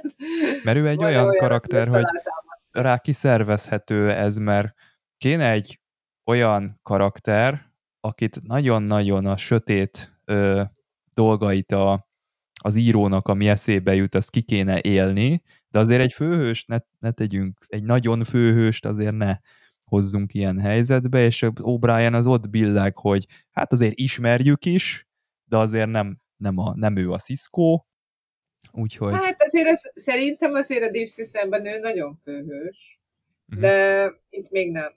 De hát itt valóban azért esik rá a karaktereknek, a, és hát ez a választás, hogy ő ideális erre, mert hogy pont ott billeg, hogy még nem a, a hittisztek, az általunk nagyon ismert valaki, bár akár lehetne ebben a kategóriában, de mégis van. Hát igen, a Strange New worlds simán mindenkinek ilyen háborús múltja van, úgyhogy ott már nem finomkodtak ezzel, hogy most akkor a perem színészeket sanyargassuk csak, hanem mindenkit. Hát addigra már mindig mindenkit sanyargatnak. Szerintem ez már az új sorozatokban alap, hogy sanyargatjuk a karaktereket. Azért mondom, hogy most már kapaszkodják fel O'Briennek, ha meg akarja tartani az első helyet. Még egy példa, hogy az Enterprise sorozatban a, a Xindik elleni gyűlölet, hogy ott, az, ott is. Igen. Hogy most így az egészre így, így, így, így utaljak, hogy ott is például tök jobb volt mutatva, hogy a Szindik elleni ö, harcok során, hogy ott a Tucker parancsnok, hogy ne, ő, ő vesztette el a... Igen, igen, igen. Tucker volt. És hogy, hogy, hogy ő is mennyire nehezen oldódott föl. Igen, de... amikor hogy össze kellett dolgozni velük meg. Igen, az Enterprise harmadik évada azért hozott engem annak idején zavarba, mert emlékszem, hogy írtam is egy nagyobb cikket a klubújságban, hogy mi, mi történik itt, mert hogy ugye ez ugye a, a, a 911 után volt nem sokkal, és, és az történt, hogy, hogy a, az Enterprise tömegpusztító fegyvert kezdett el kutatni a, az ismeretlen térségben, és ez nagyon-nagyon furán uh, jött a, a, az akkori történelmi állapotban, hogy nagyon-nagyon olyan hangsúlya volt, mintha az Enterprise a, a akkori Bush kormányzatnak a szócsöve próbált volna lenni, és ez nagyon furcsán jött ki annak idején. Uh, ja. Aztán ezt ugye ettől visszatáncoltunk egy évvel később már, de, de akkor már mindegy volt. Hát igen, ez azért nagyon nem élik, a, nem illeszkedik a Star Trek világába, még akkor is, hogyha azért vannak, amint látjuk, igen. ellentmondásos tettek, akár mint itt a Maxwellnek, de ahogy így mondtuk, gyakran a főszereplő. Igen, és utána az Archer karaktért is nagyon átfordították egy-egy se perc alatt, és az is nagyon, nagyon, nagyon furcsa volt. Furcsa, de ember. Azért, az még nem a, az még nem a, a föderáció, tehát hogy... hogy igen, igen, igen, ez, ezért megbocsátható valamilyen igen. szinten, de... Fura volt, tényleg fura volt, nagyon ilyen hirtelen ilyen karakteridegennek tűnt, főleg az Archernél, mert a többieknél oké, okay, ott, ott megvoltak azok a traumák. De, de nagyon jó, hogy vissza, vissza táncoltatták ezt az egészet. Tehát, hogy nem vitték el egy olyan irányba az Enterprise-t, hogy megbocsájthatatlan legyen. Tehát, hogy a Star Treknek nem az a lényege, hogy, hogy sötét utakra vigyen és ott elveszünk, hanem, hanem ha elvisz minket a, a homályba, akkor adjon reményt. Tehát, hogy a Star Trek legyen egy ilyen, egy ilyen pozitív, tényleg annyi a, a, a disztópikus science fiction, meg, a, meg, meg az egyéb történet, a Star Trek, még hogyha néha kicsit esetleg együgyű egyesek szemében, de, de akkor is a, a többi mélységével együtt egy, egy pozitív élményt ad nekünk, akik így szeretjük és, és követjük már nagyon régóta. Tehát, hogy jó, jó elbújni benne ebbe a világba, megmártozni, és, és meríteni belőle újra egy kicsit hitet, reményt. Úgyhogy ezért jó, amikor szenvednek ott a karakterek is, de hogy valahogy mindig visszatáncolnak, visszajutnak a, a föderációs dolgokhoz. És ez, és már említettük, Rózászlósnál. Nála is megtörtént. Tehát ez így nagyon szép, ebben, ebben nagyon ügyesek az alkotók, hogy végül mindenkit vissza, visszajuttatnak oda. És így megadják a, a hitet nekünk is rajongóknak, hogy ez egy, ez egy jó út, és tök jó lenne követni. Hogy tényleg majd 200 év múlva föderáció legyen a Földből, ne a, a, a Terrám császárság.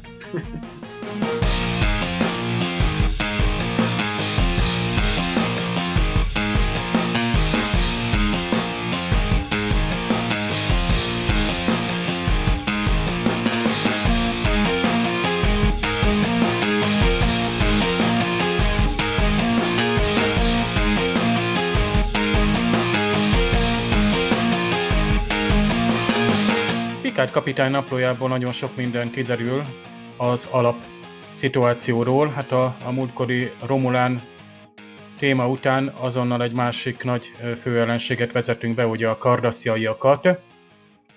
Hát rögtön a nevüknek a kiejtésével lehetne kezdeni, hogy gyakorlatilag ez a kiejtés honosodott meg és maradt is, ami tulajdonképpen jó, tehát nem a kardasszián, vagy hát ehhez hasonló változat lett, hanem kardassziai. Ezzel akár lehetne is vitatkozni, hogy melyik a jó. Hát például Romulán esetében ott megmaradt az, hogy Romulán, tehát nem Romuluszi lett, vagy más változat. Ez, ez érdekes, de a következetesség mindenképpen jó, hogy a későbbi, hát például a Deep Space Nine-ban is ez megmaradt. A lényeg az, hogy a kapitány naplójából kiderül, hogy hát azt mondja Picard magyarul, hogy a kardassziai határ mentén végzünk mérési munkálatokat. Tehát milyen mérési munkálatok? Talán földmérés? Tulajdonképpen igen, mert eredetileg azt mondja Picard, hogy ugye ez egy ilyen mapping survey, ami kifejezetten a, a földmérést, az ilyen kataszteri mérést, ö, ö, ilyen terepfelvételt, szintezést, magassági felmérést jelent, és nyilván a, a, a, az űrben is el lehet végezni ezt, és vannak is ilyen katonai alakulatok egyébként, térképész század például, de jelenthet szemlét is, műszeres felderítés, tehát sok mindent. Egyébként a kardassziaiak meg is kérdezhetnék, hogy hát miért pont ott a határ közelében végeznek ilyen komoly műszeres mérést. Tehát ez a kérdezéskedés és szurgálódás mindig kölcsönös is lehet.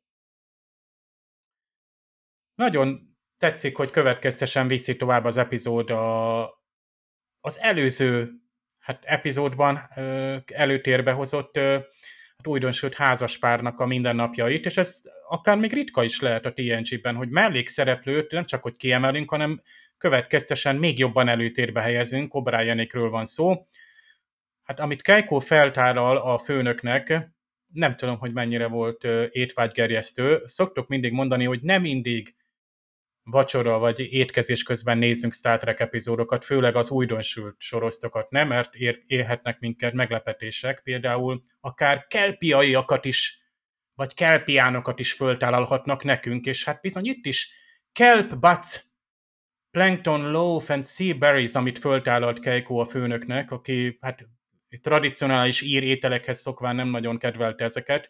Érdekes, hogy a kelpián, vagy kelpiai, tehát ugye amiben a, szaru tartozik a Discovery-ben az a faj, ott már akkor így magyarázgattuk, hogy a hínárhoz mi köze lehet ennek a fajnak, és van is, mert ilyen hínárgyűjtők, vagy nem is tudom, tehát ilyen tengerek mentén élnek, és azt hiszem, tehát ilyen mezőgazdasági tevékenységet végző népek ők, mielőtt ott hát a felvették, vagy felvette az első kapcsolatot a nép a, a föderációval.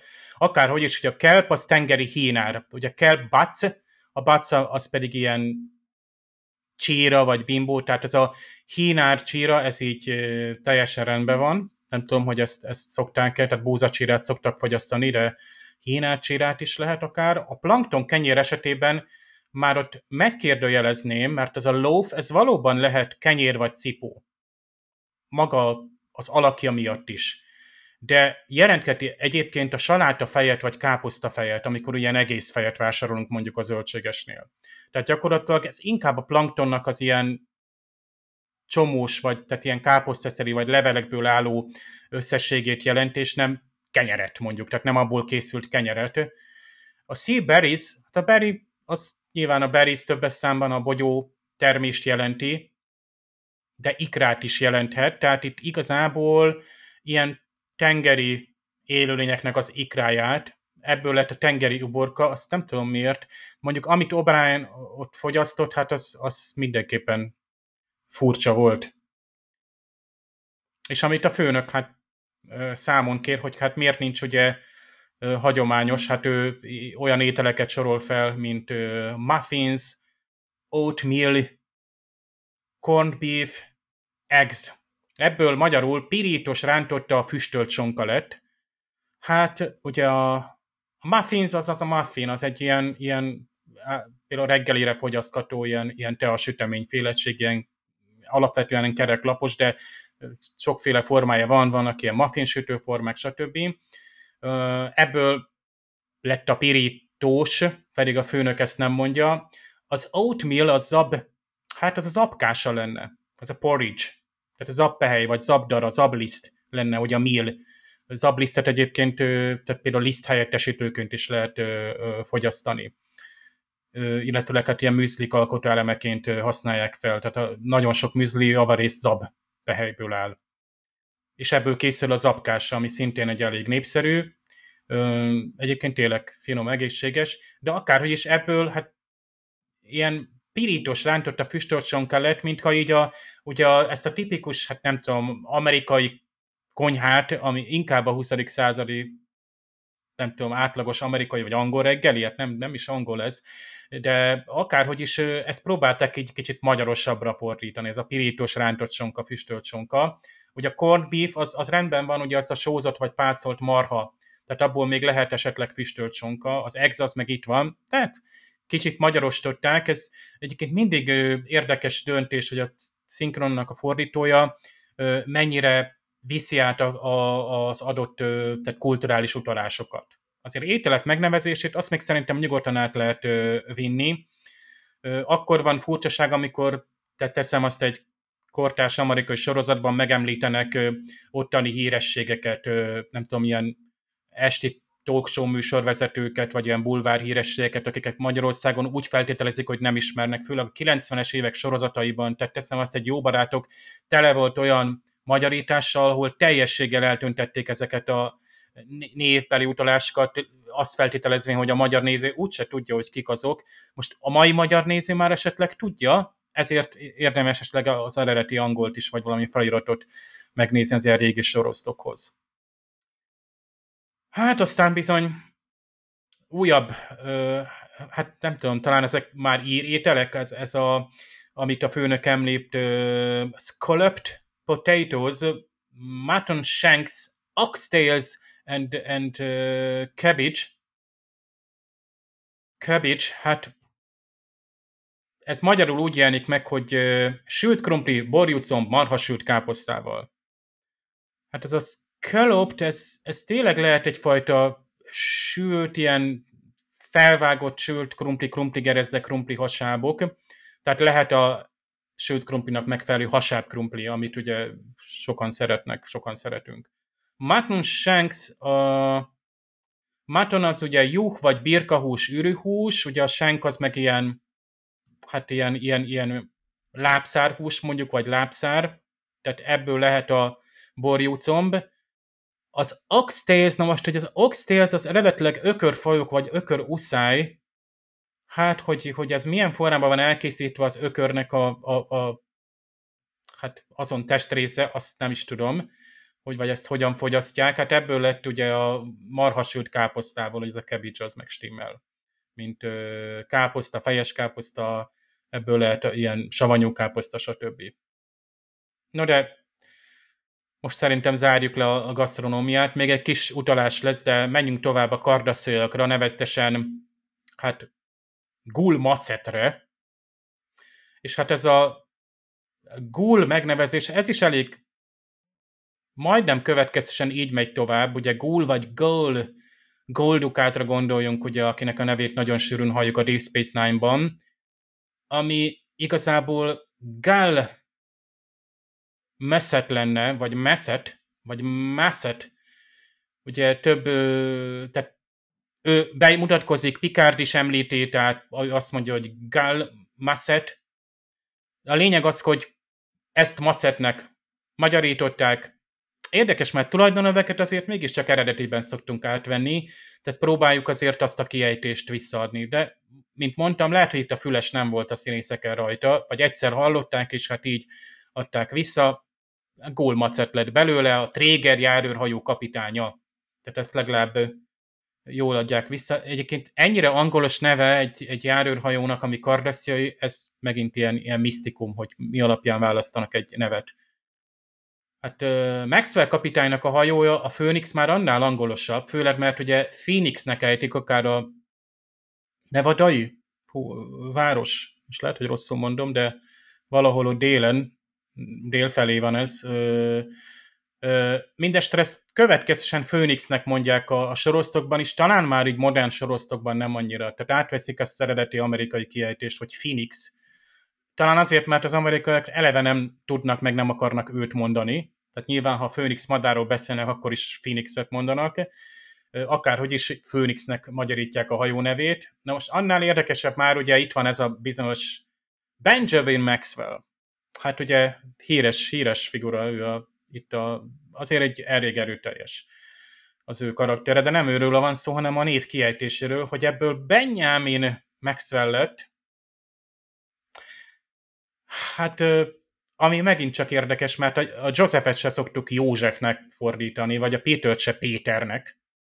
Tehát Péter Parker, hát nem ő pókember, hanem Peter Parker. Tehát akárhogy is, én most belekutankodtam a Deep Space Nine sorozatba, de hát sajnos nem a hárombetűs streaming szolgáltatón, ahol ugye várjuk, várjuk, és türelmetlenül várjuk, hogy oda is megérkezzen, no, de akárhogy is a helyi könyvtáramban a Deep Space Nine negyedik évadának első két részében néztem bele, ugye a harcos útja, ami egy nagyon jó rész, és ott ö, többször is megszólítják Cisco-t, például a Dex ö, rendszeresen, hát nyilván a sok év ismerettség alapján ő Benjaminnak szólítja. Tehát magyarban a Benjamin, Cisco, ő Benjamin. Ez így, ez így korrekt, egy kicsit magyarosabban ejtett.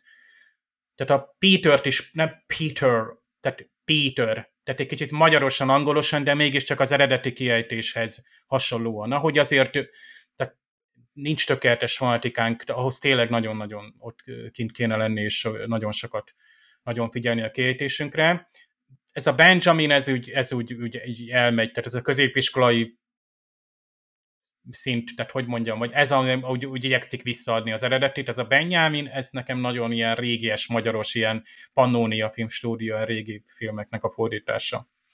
Ez jut eszembe. Van még egy jelenetünk O'Brienékkel, de ezt én összekapcsolnám majd ugye O'Brien és Maxwell ö, záró jelenetével, ö, neveztesen itt a, a, a Minstrel Boy ö, dallal kapcsolatban.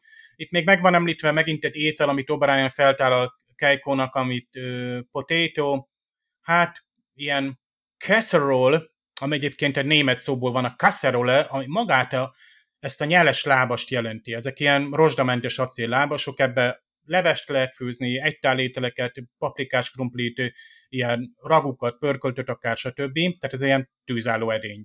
Most ebbe egy ilyen pörkölés, párolás útján egytálételek, ezek a úgynevezett kasserolék, akár német nyelvterületen, de angol száz területen is, és ezt ugye krumplipűrenek fordítja O'Brien, nem biztos, hogy ez krumplipűre volt, még a kinézet alapján se, de valamilyen olyan krumplétel, amilyen egytál pirított főt krumpli étel, a királyok elede, akárhogy is. De utána komolyra terülődik a szó, mert hát O'Brien akaratlanul is elkezd dúdolni, énekelni, és a magyarban nem csak dúdol, hanem énekel is. Hát most itt elég hosszú lenne, ha összehasonlítanám a dalszöveget, ezt egyfajta műfordításban halljuk. Ugye a Minstrel Boy egy, egy tradicionális írdal, nem népdal, hanem mm, Thomas More írta, még a 19. század elején, 1800-as évek elején adták ki, ugye az Irish Melodies című kötetének a, a, a része, gyakorlatilag egy, egy, egy ilyen olyan műdal, ami az 1798-as írlázadásnak állít emléket, ahol sokan odavesztek.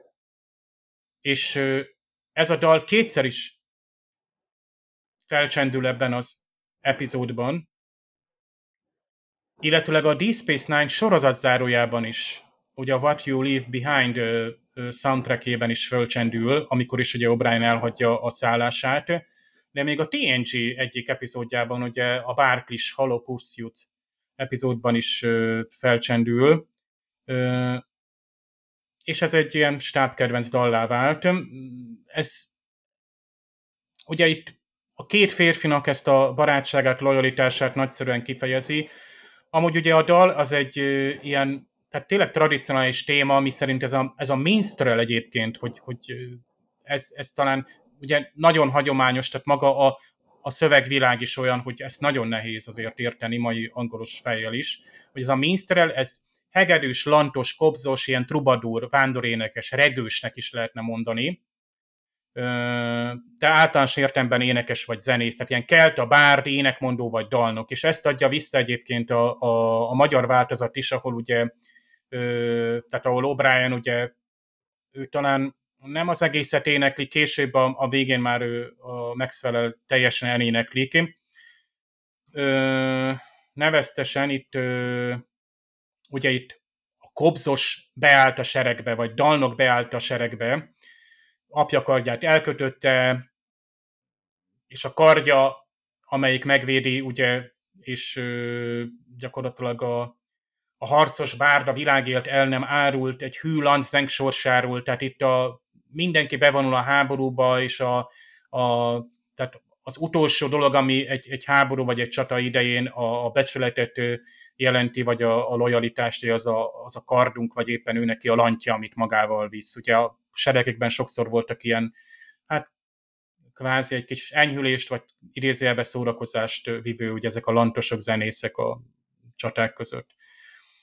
Nem akarom összevetni az egész magyar fordítás, hiszen műfordításról van szó, a hangulatot kellett visszaadni, és főleg ilyen régi szövegnél ö, nyilván ott is a, a stílust kell visszaadni egy ilyen esetben. Nem sikerült kiderítenem, hogy milyen fordítás volt az alapja, mert ilyenkor megszokták nevezni, hogy egy adott magyar szövegben volt egy magyar szövegfordító, és a, egy, egy műnek, egy költeménynek a fordítását esetleg egy magyar műfordítás alapján vette át. Tehát ez így, így sajnos nekem elsikadt az epizódban. De hát ritka, és hát az, hogy egy epizódban énekelnek a szereplők, az bizony elég ritka, de itt például elég nagy hangsúlya ö, ö, volt. Még a Phoenixhez, hát talán lehetett volna mondanom, hogy nagyon érdekes volt a TNG Remastered kiadásnak, hogy amikor a hajó nevét ki is írják a főképernyőre, az már egy remastered digitális effektus. Ezt nagyon ritkán látjuk egyébként, mert akár az Elcars megjelenítés, az mind a korabeli képernyőképeket vette át, csak az ilyen fézerlövések, transporter effektus, tehát tényleg utólagos digitális vizuális effektus, ami nem volt a modellel készült felvételeken rajta. Itt viszont maga a hajókat ábrázoló ilyen stratégiai képernyőképet, ezt teljesen digitálisan újraalkották, és így tehát egy, egy modernebb betűtípussal láttuk kiírva akár ezt a Phoenix-et. Nem gondolnánk, de itt látunk először Canard fogyasztó kardasziait, és hát a, ital itt kerül bevezetésre, és a csillagbárban fel is szolgálják. Egyébként meg is lehetne kérdezni, hogy honnan van Kanár. Bárhonnan, de Daro, a Gál Messet egyik embere itt dogál, iszogat itt, és O'Brien is csatlakozik, csak ő ugye élt, tehát sört fogyaszt, és még szóba is kell, hogy a Kanárt ugye nem szereti, tehát bizonyára találkozott már ezzel az itallal a, a csata, tehát a háború idején a kiejtése az következtes marad, és ez tetszik is, hogy, hogy végül is a magyar kiejtés megmaradt ennél az elsőnél, és még a Deep Space Nine-ban is, vagy akár még talán Voyager-ben is van említve. Az angol kiejtés változott valamennyit, itt Kénár még a, ebben az epizódban, akár a Darrow vagy az O'Brien által, később ugye ez Kanár lesz, tehát ténylegesen egy, egy a magyarhoz hasonló kiejtés, tehát így egy picit, picit fejlődött, hiszen a Cardessilk akár a arca is azért valamennyest változott a, a későbbi epizódokban, amikor ők állandósult ö, szereplők lettek. És hát itt keserű emlékek törnek elő O'Brienből, nagyon erős jelenet ez, itt egy, ugye a Szetliki csata, vagy hát ugye ez egy raid volt, egy ilyen lerohanás, megszállás volt, ami történt, és erről mesél O'Brien. És itt azt említi magyarul, hogy az egyiket meglőtte, tehát a rátámadó két kardaszéi katona közül, ugye O'Brien gyerek családokkal volt, és, és az egyik kardaszéit meglőtte, aztán egy másik esetben tüzelt, de a fézet maximum állították, és így gyakorlatilag hát meg sem is tette az ellenfelet.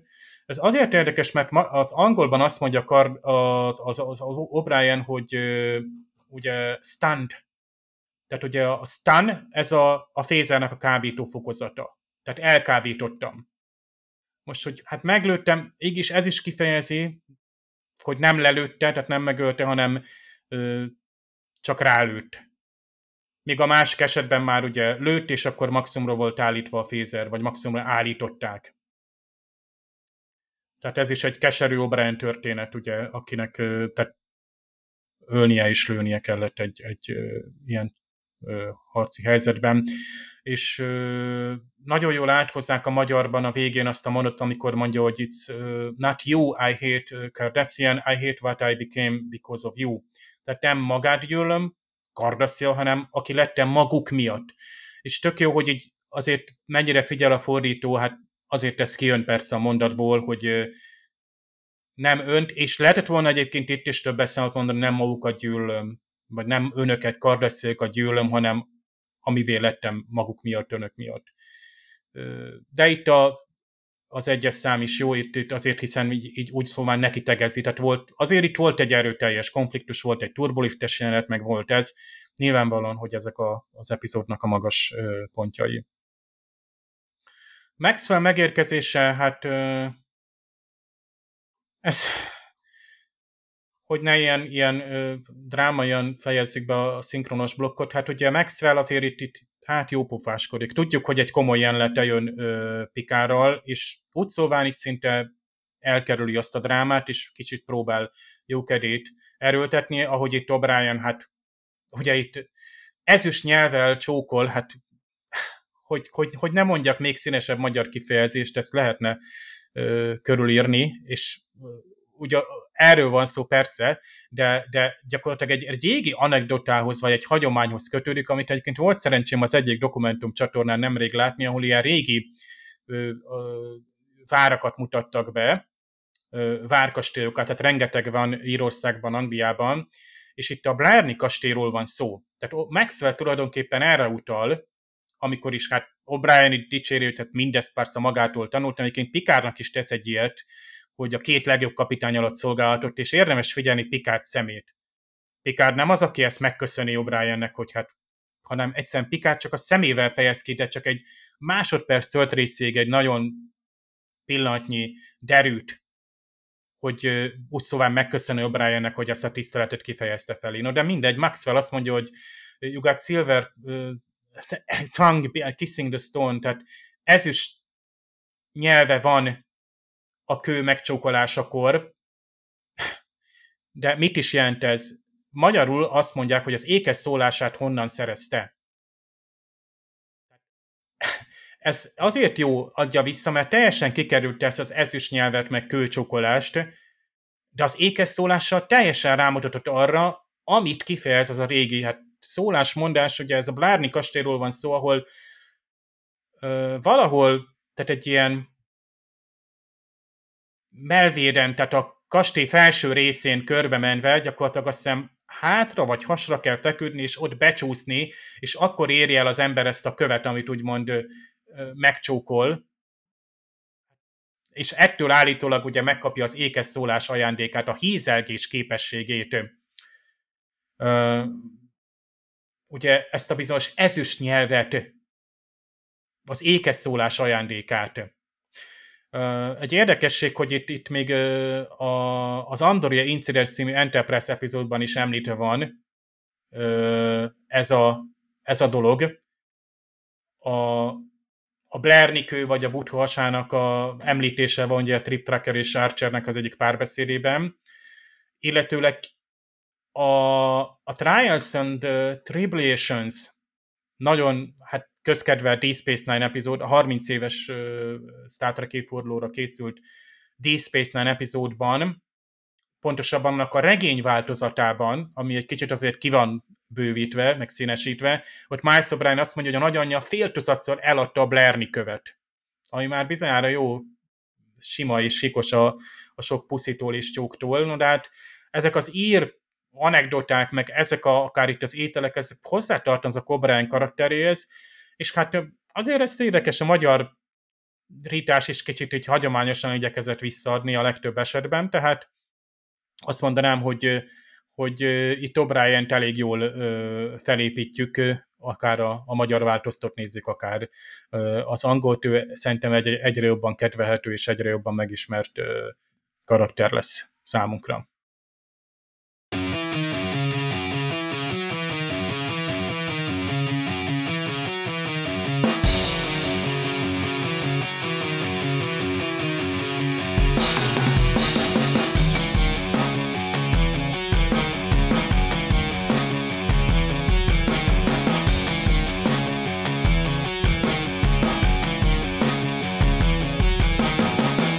Mi történik, hogyha egy ehhez hasonló epizódot kicsit kiterjesztünk, és több időt adunk neki, akkor szerintem keletkezik egy Deep Space Nine, keletkezik egy Battlestar Galactica, és kifutnak ezek a belső sérelmek, és még jobban a karaktereknek a, az életútjába el tudunk merülni.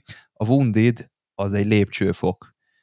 A TNG a harmadik évad óta folyamatosan egy felfelő ívelő pályán van, és ennek egy fontos lépcsőfoka szerintem a háború áldozata, ami egy lépcsőfok a Battlestar Galactica említett Pegasus incidenséhez, és egy lépcsőfok az általatok említett In the Pale Moonlight című epizódhoz is, ami személyes véleményem szerint a Star Treknek a csúcsa, tehát van egy fejlődés története a Star Treknek, eljutunk az In the Pale Moonlight című epizódig, és odáig bezárólag mindent elmondott nekünk a Star Trek, amit el tudott mondani.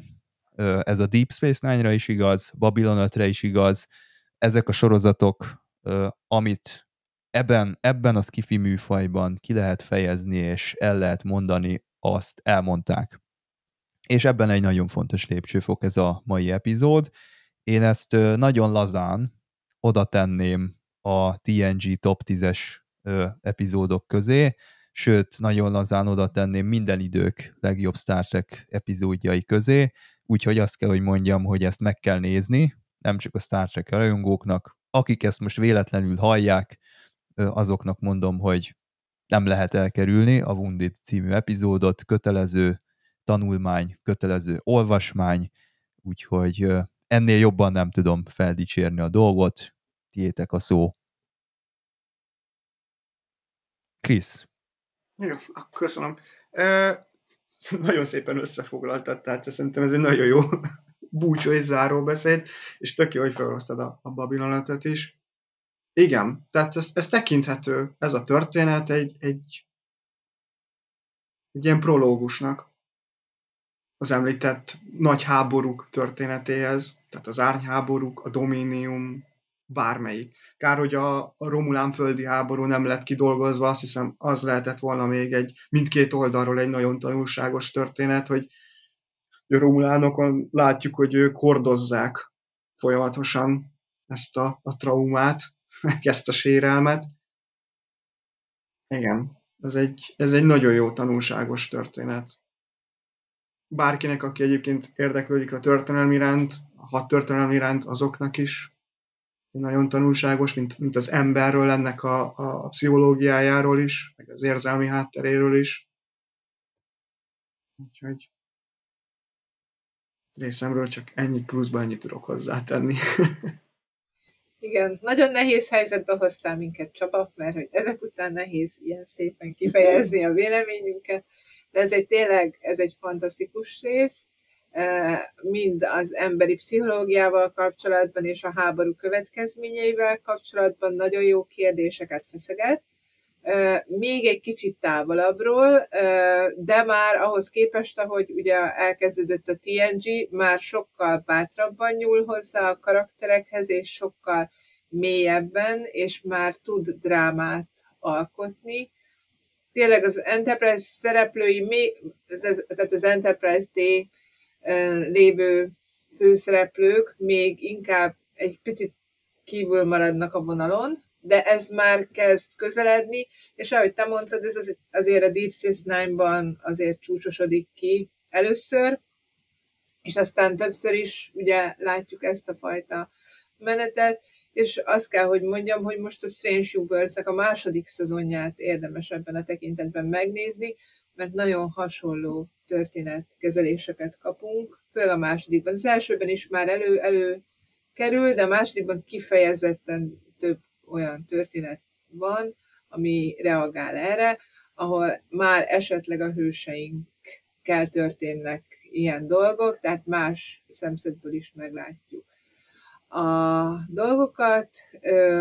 Ott is van, amikor ütközik olyan karakter, amikor az egyik kicsit távolabbról, egy kicsit kívülről látja, mint például Pike, aki nem vett részt a Klingon háborúban, illetve a veteránok, pedig igen, erről beszéltünk talán a kibeszélőben is.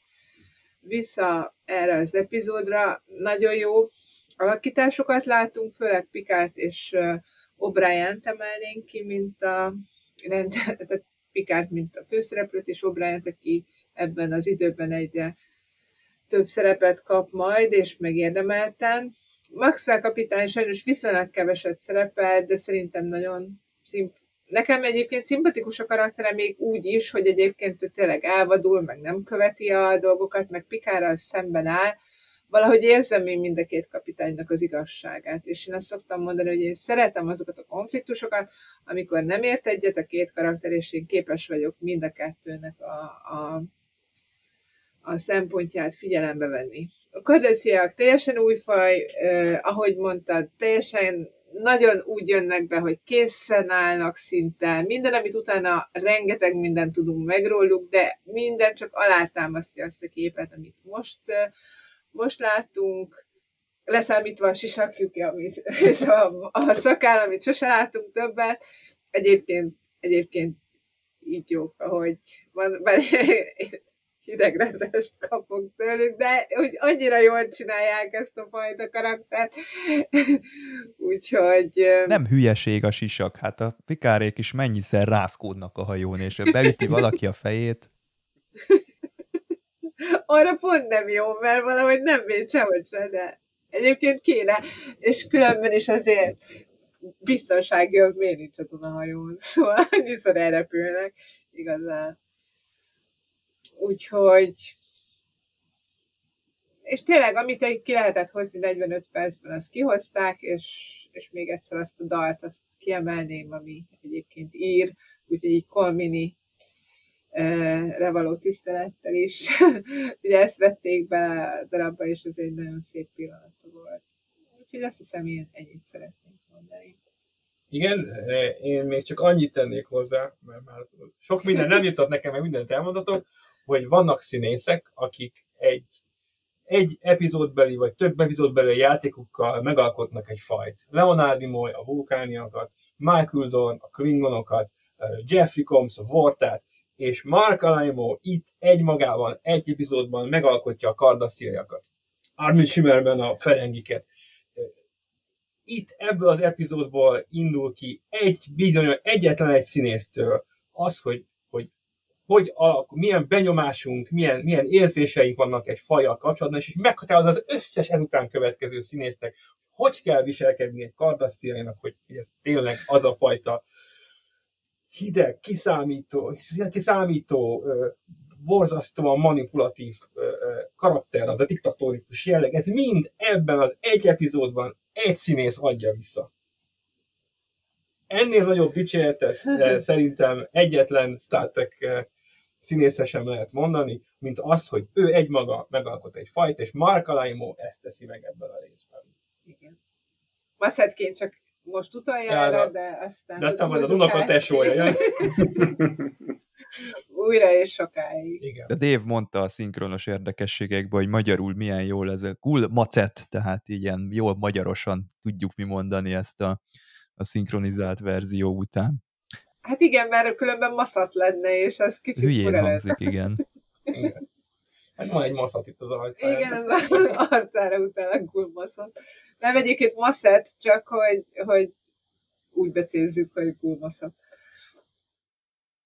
Hát azt hiszem, hogy nyaldossuk itt a három órát, de egyáltalán nem bánom, mert hogyha van epizód, ami megérdemli azt, hogy részletesen és minden nézőpontot megvizsgálva kitárgyaljuk, akkor ez a The Wounded című epizód. Tényleg én azt tudom mondani, hogy ez jó, nagy szavakat mondtam már az összefoglalásban, úgyhogy nem is mondok semmit, mindenki abból megértette, hogy én mit szeretnék ezzel sugalni. Viszont a jövő héten egy olyan jön, hogy az ördög járandósága Devil's Due. Hát ha fenyegettek, se tudom megmondani, hogy ez miről szól már, úgyhogy nagyon kíváncsian várom. Az Excelbe is csak annyit írtam, ami a Memory alfán van, hogy megjelenik az ördög maga. Hát izgalmasnak hangzik ez a dolog. Ez lesz akkor a jövő héten terítéken. Hát Krisz, köszönjük szépen, hogy itt voltál nálunk. Én köszönöm. Isó és Nokedli, nektek is köszönöm szépen a beszélgetést. Köszönjük. Mi is köszönjük. Dévnek is köszönöm szépen a szinkronos érdekességeket. Jövő héten akkor találkozzunk ismét. Sziasztok! Sziasztok! Sziasztok! Talán true. Hogy, hogy nem Kardasszia Júl köszönsz el. Épp azt akartam kérdezni, hogy ez Kardaszéul mi lett volna. Szerintem Kardaszéul nem tudjuk. Nem tudom, belefulladtam volna egy jó hideg kanárba. Kardasszia a Kardassziaiaké.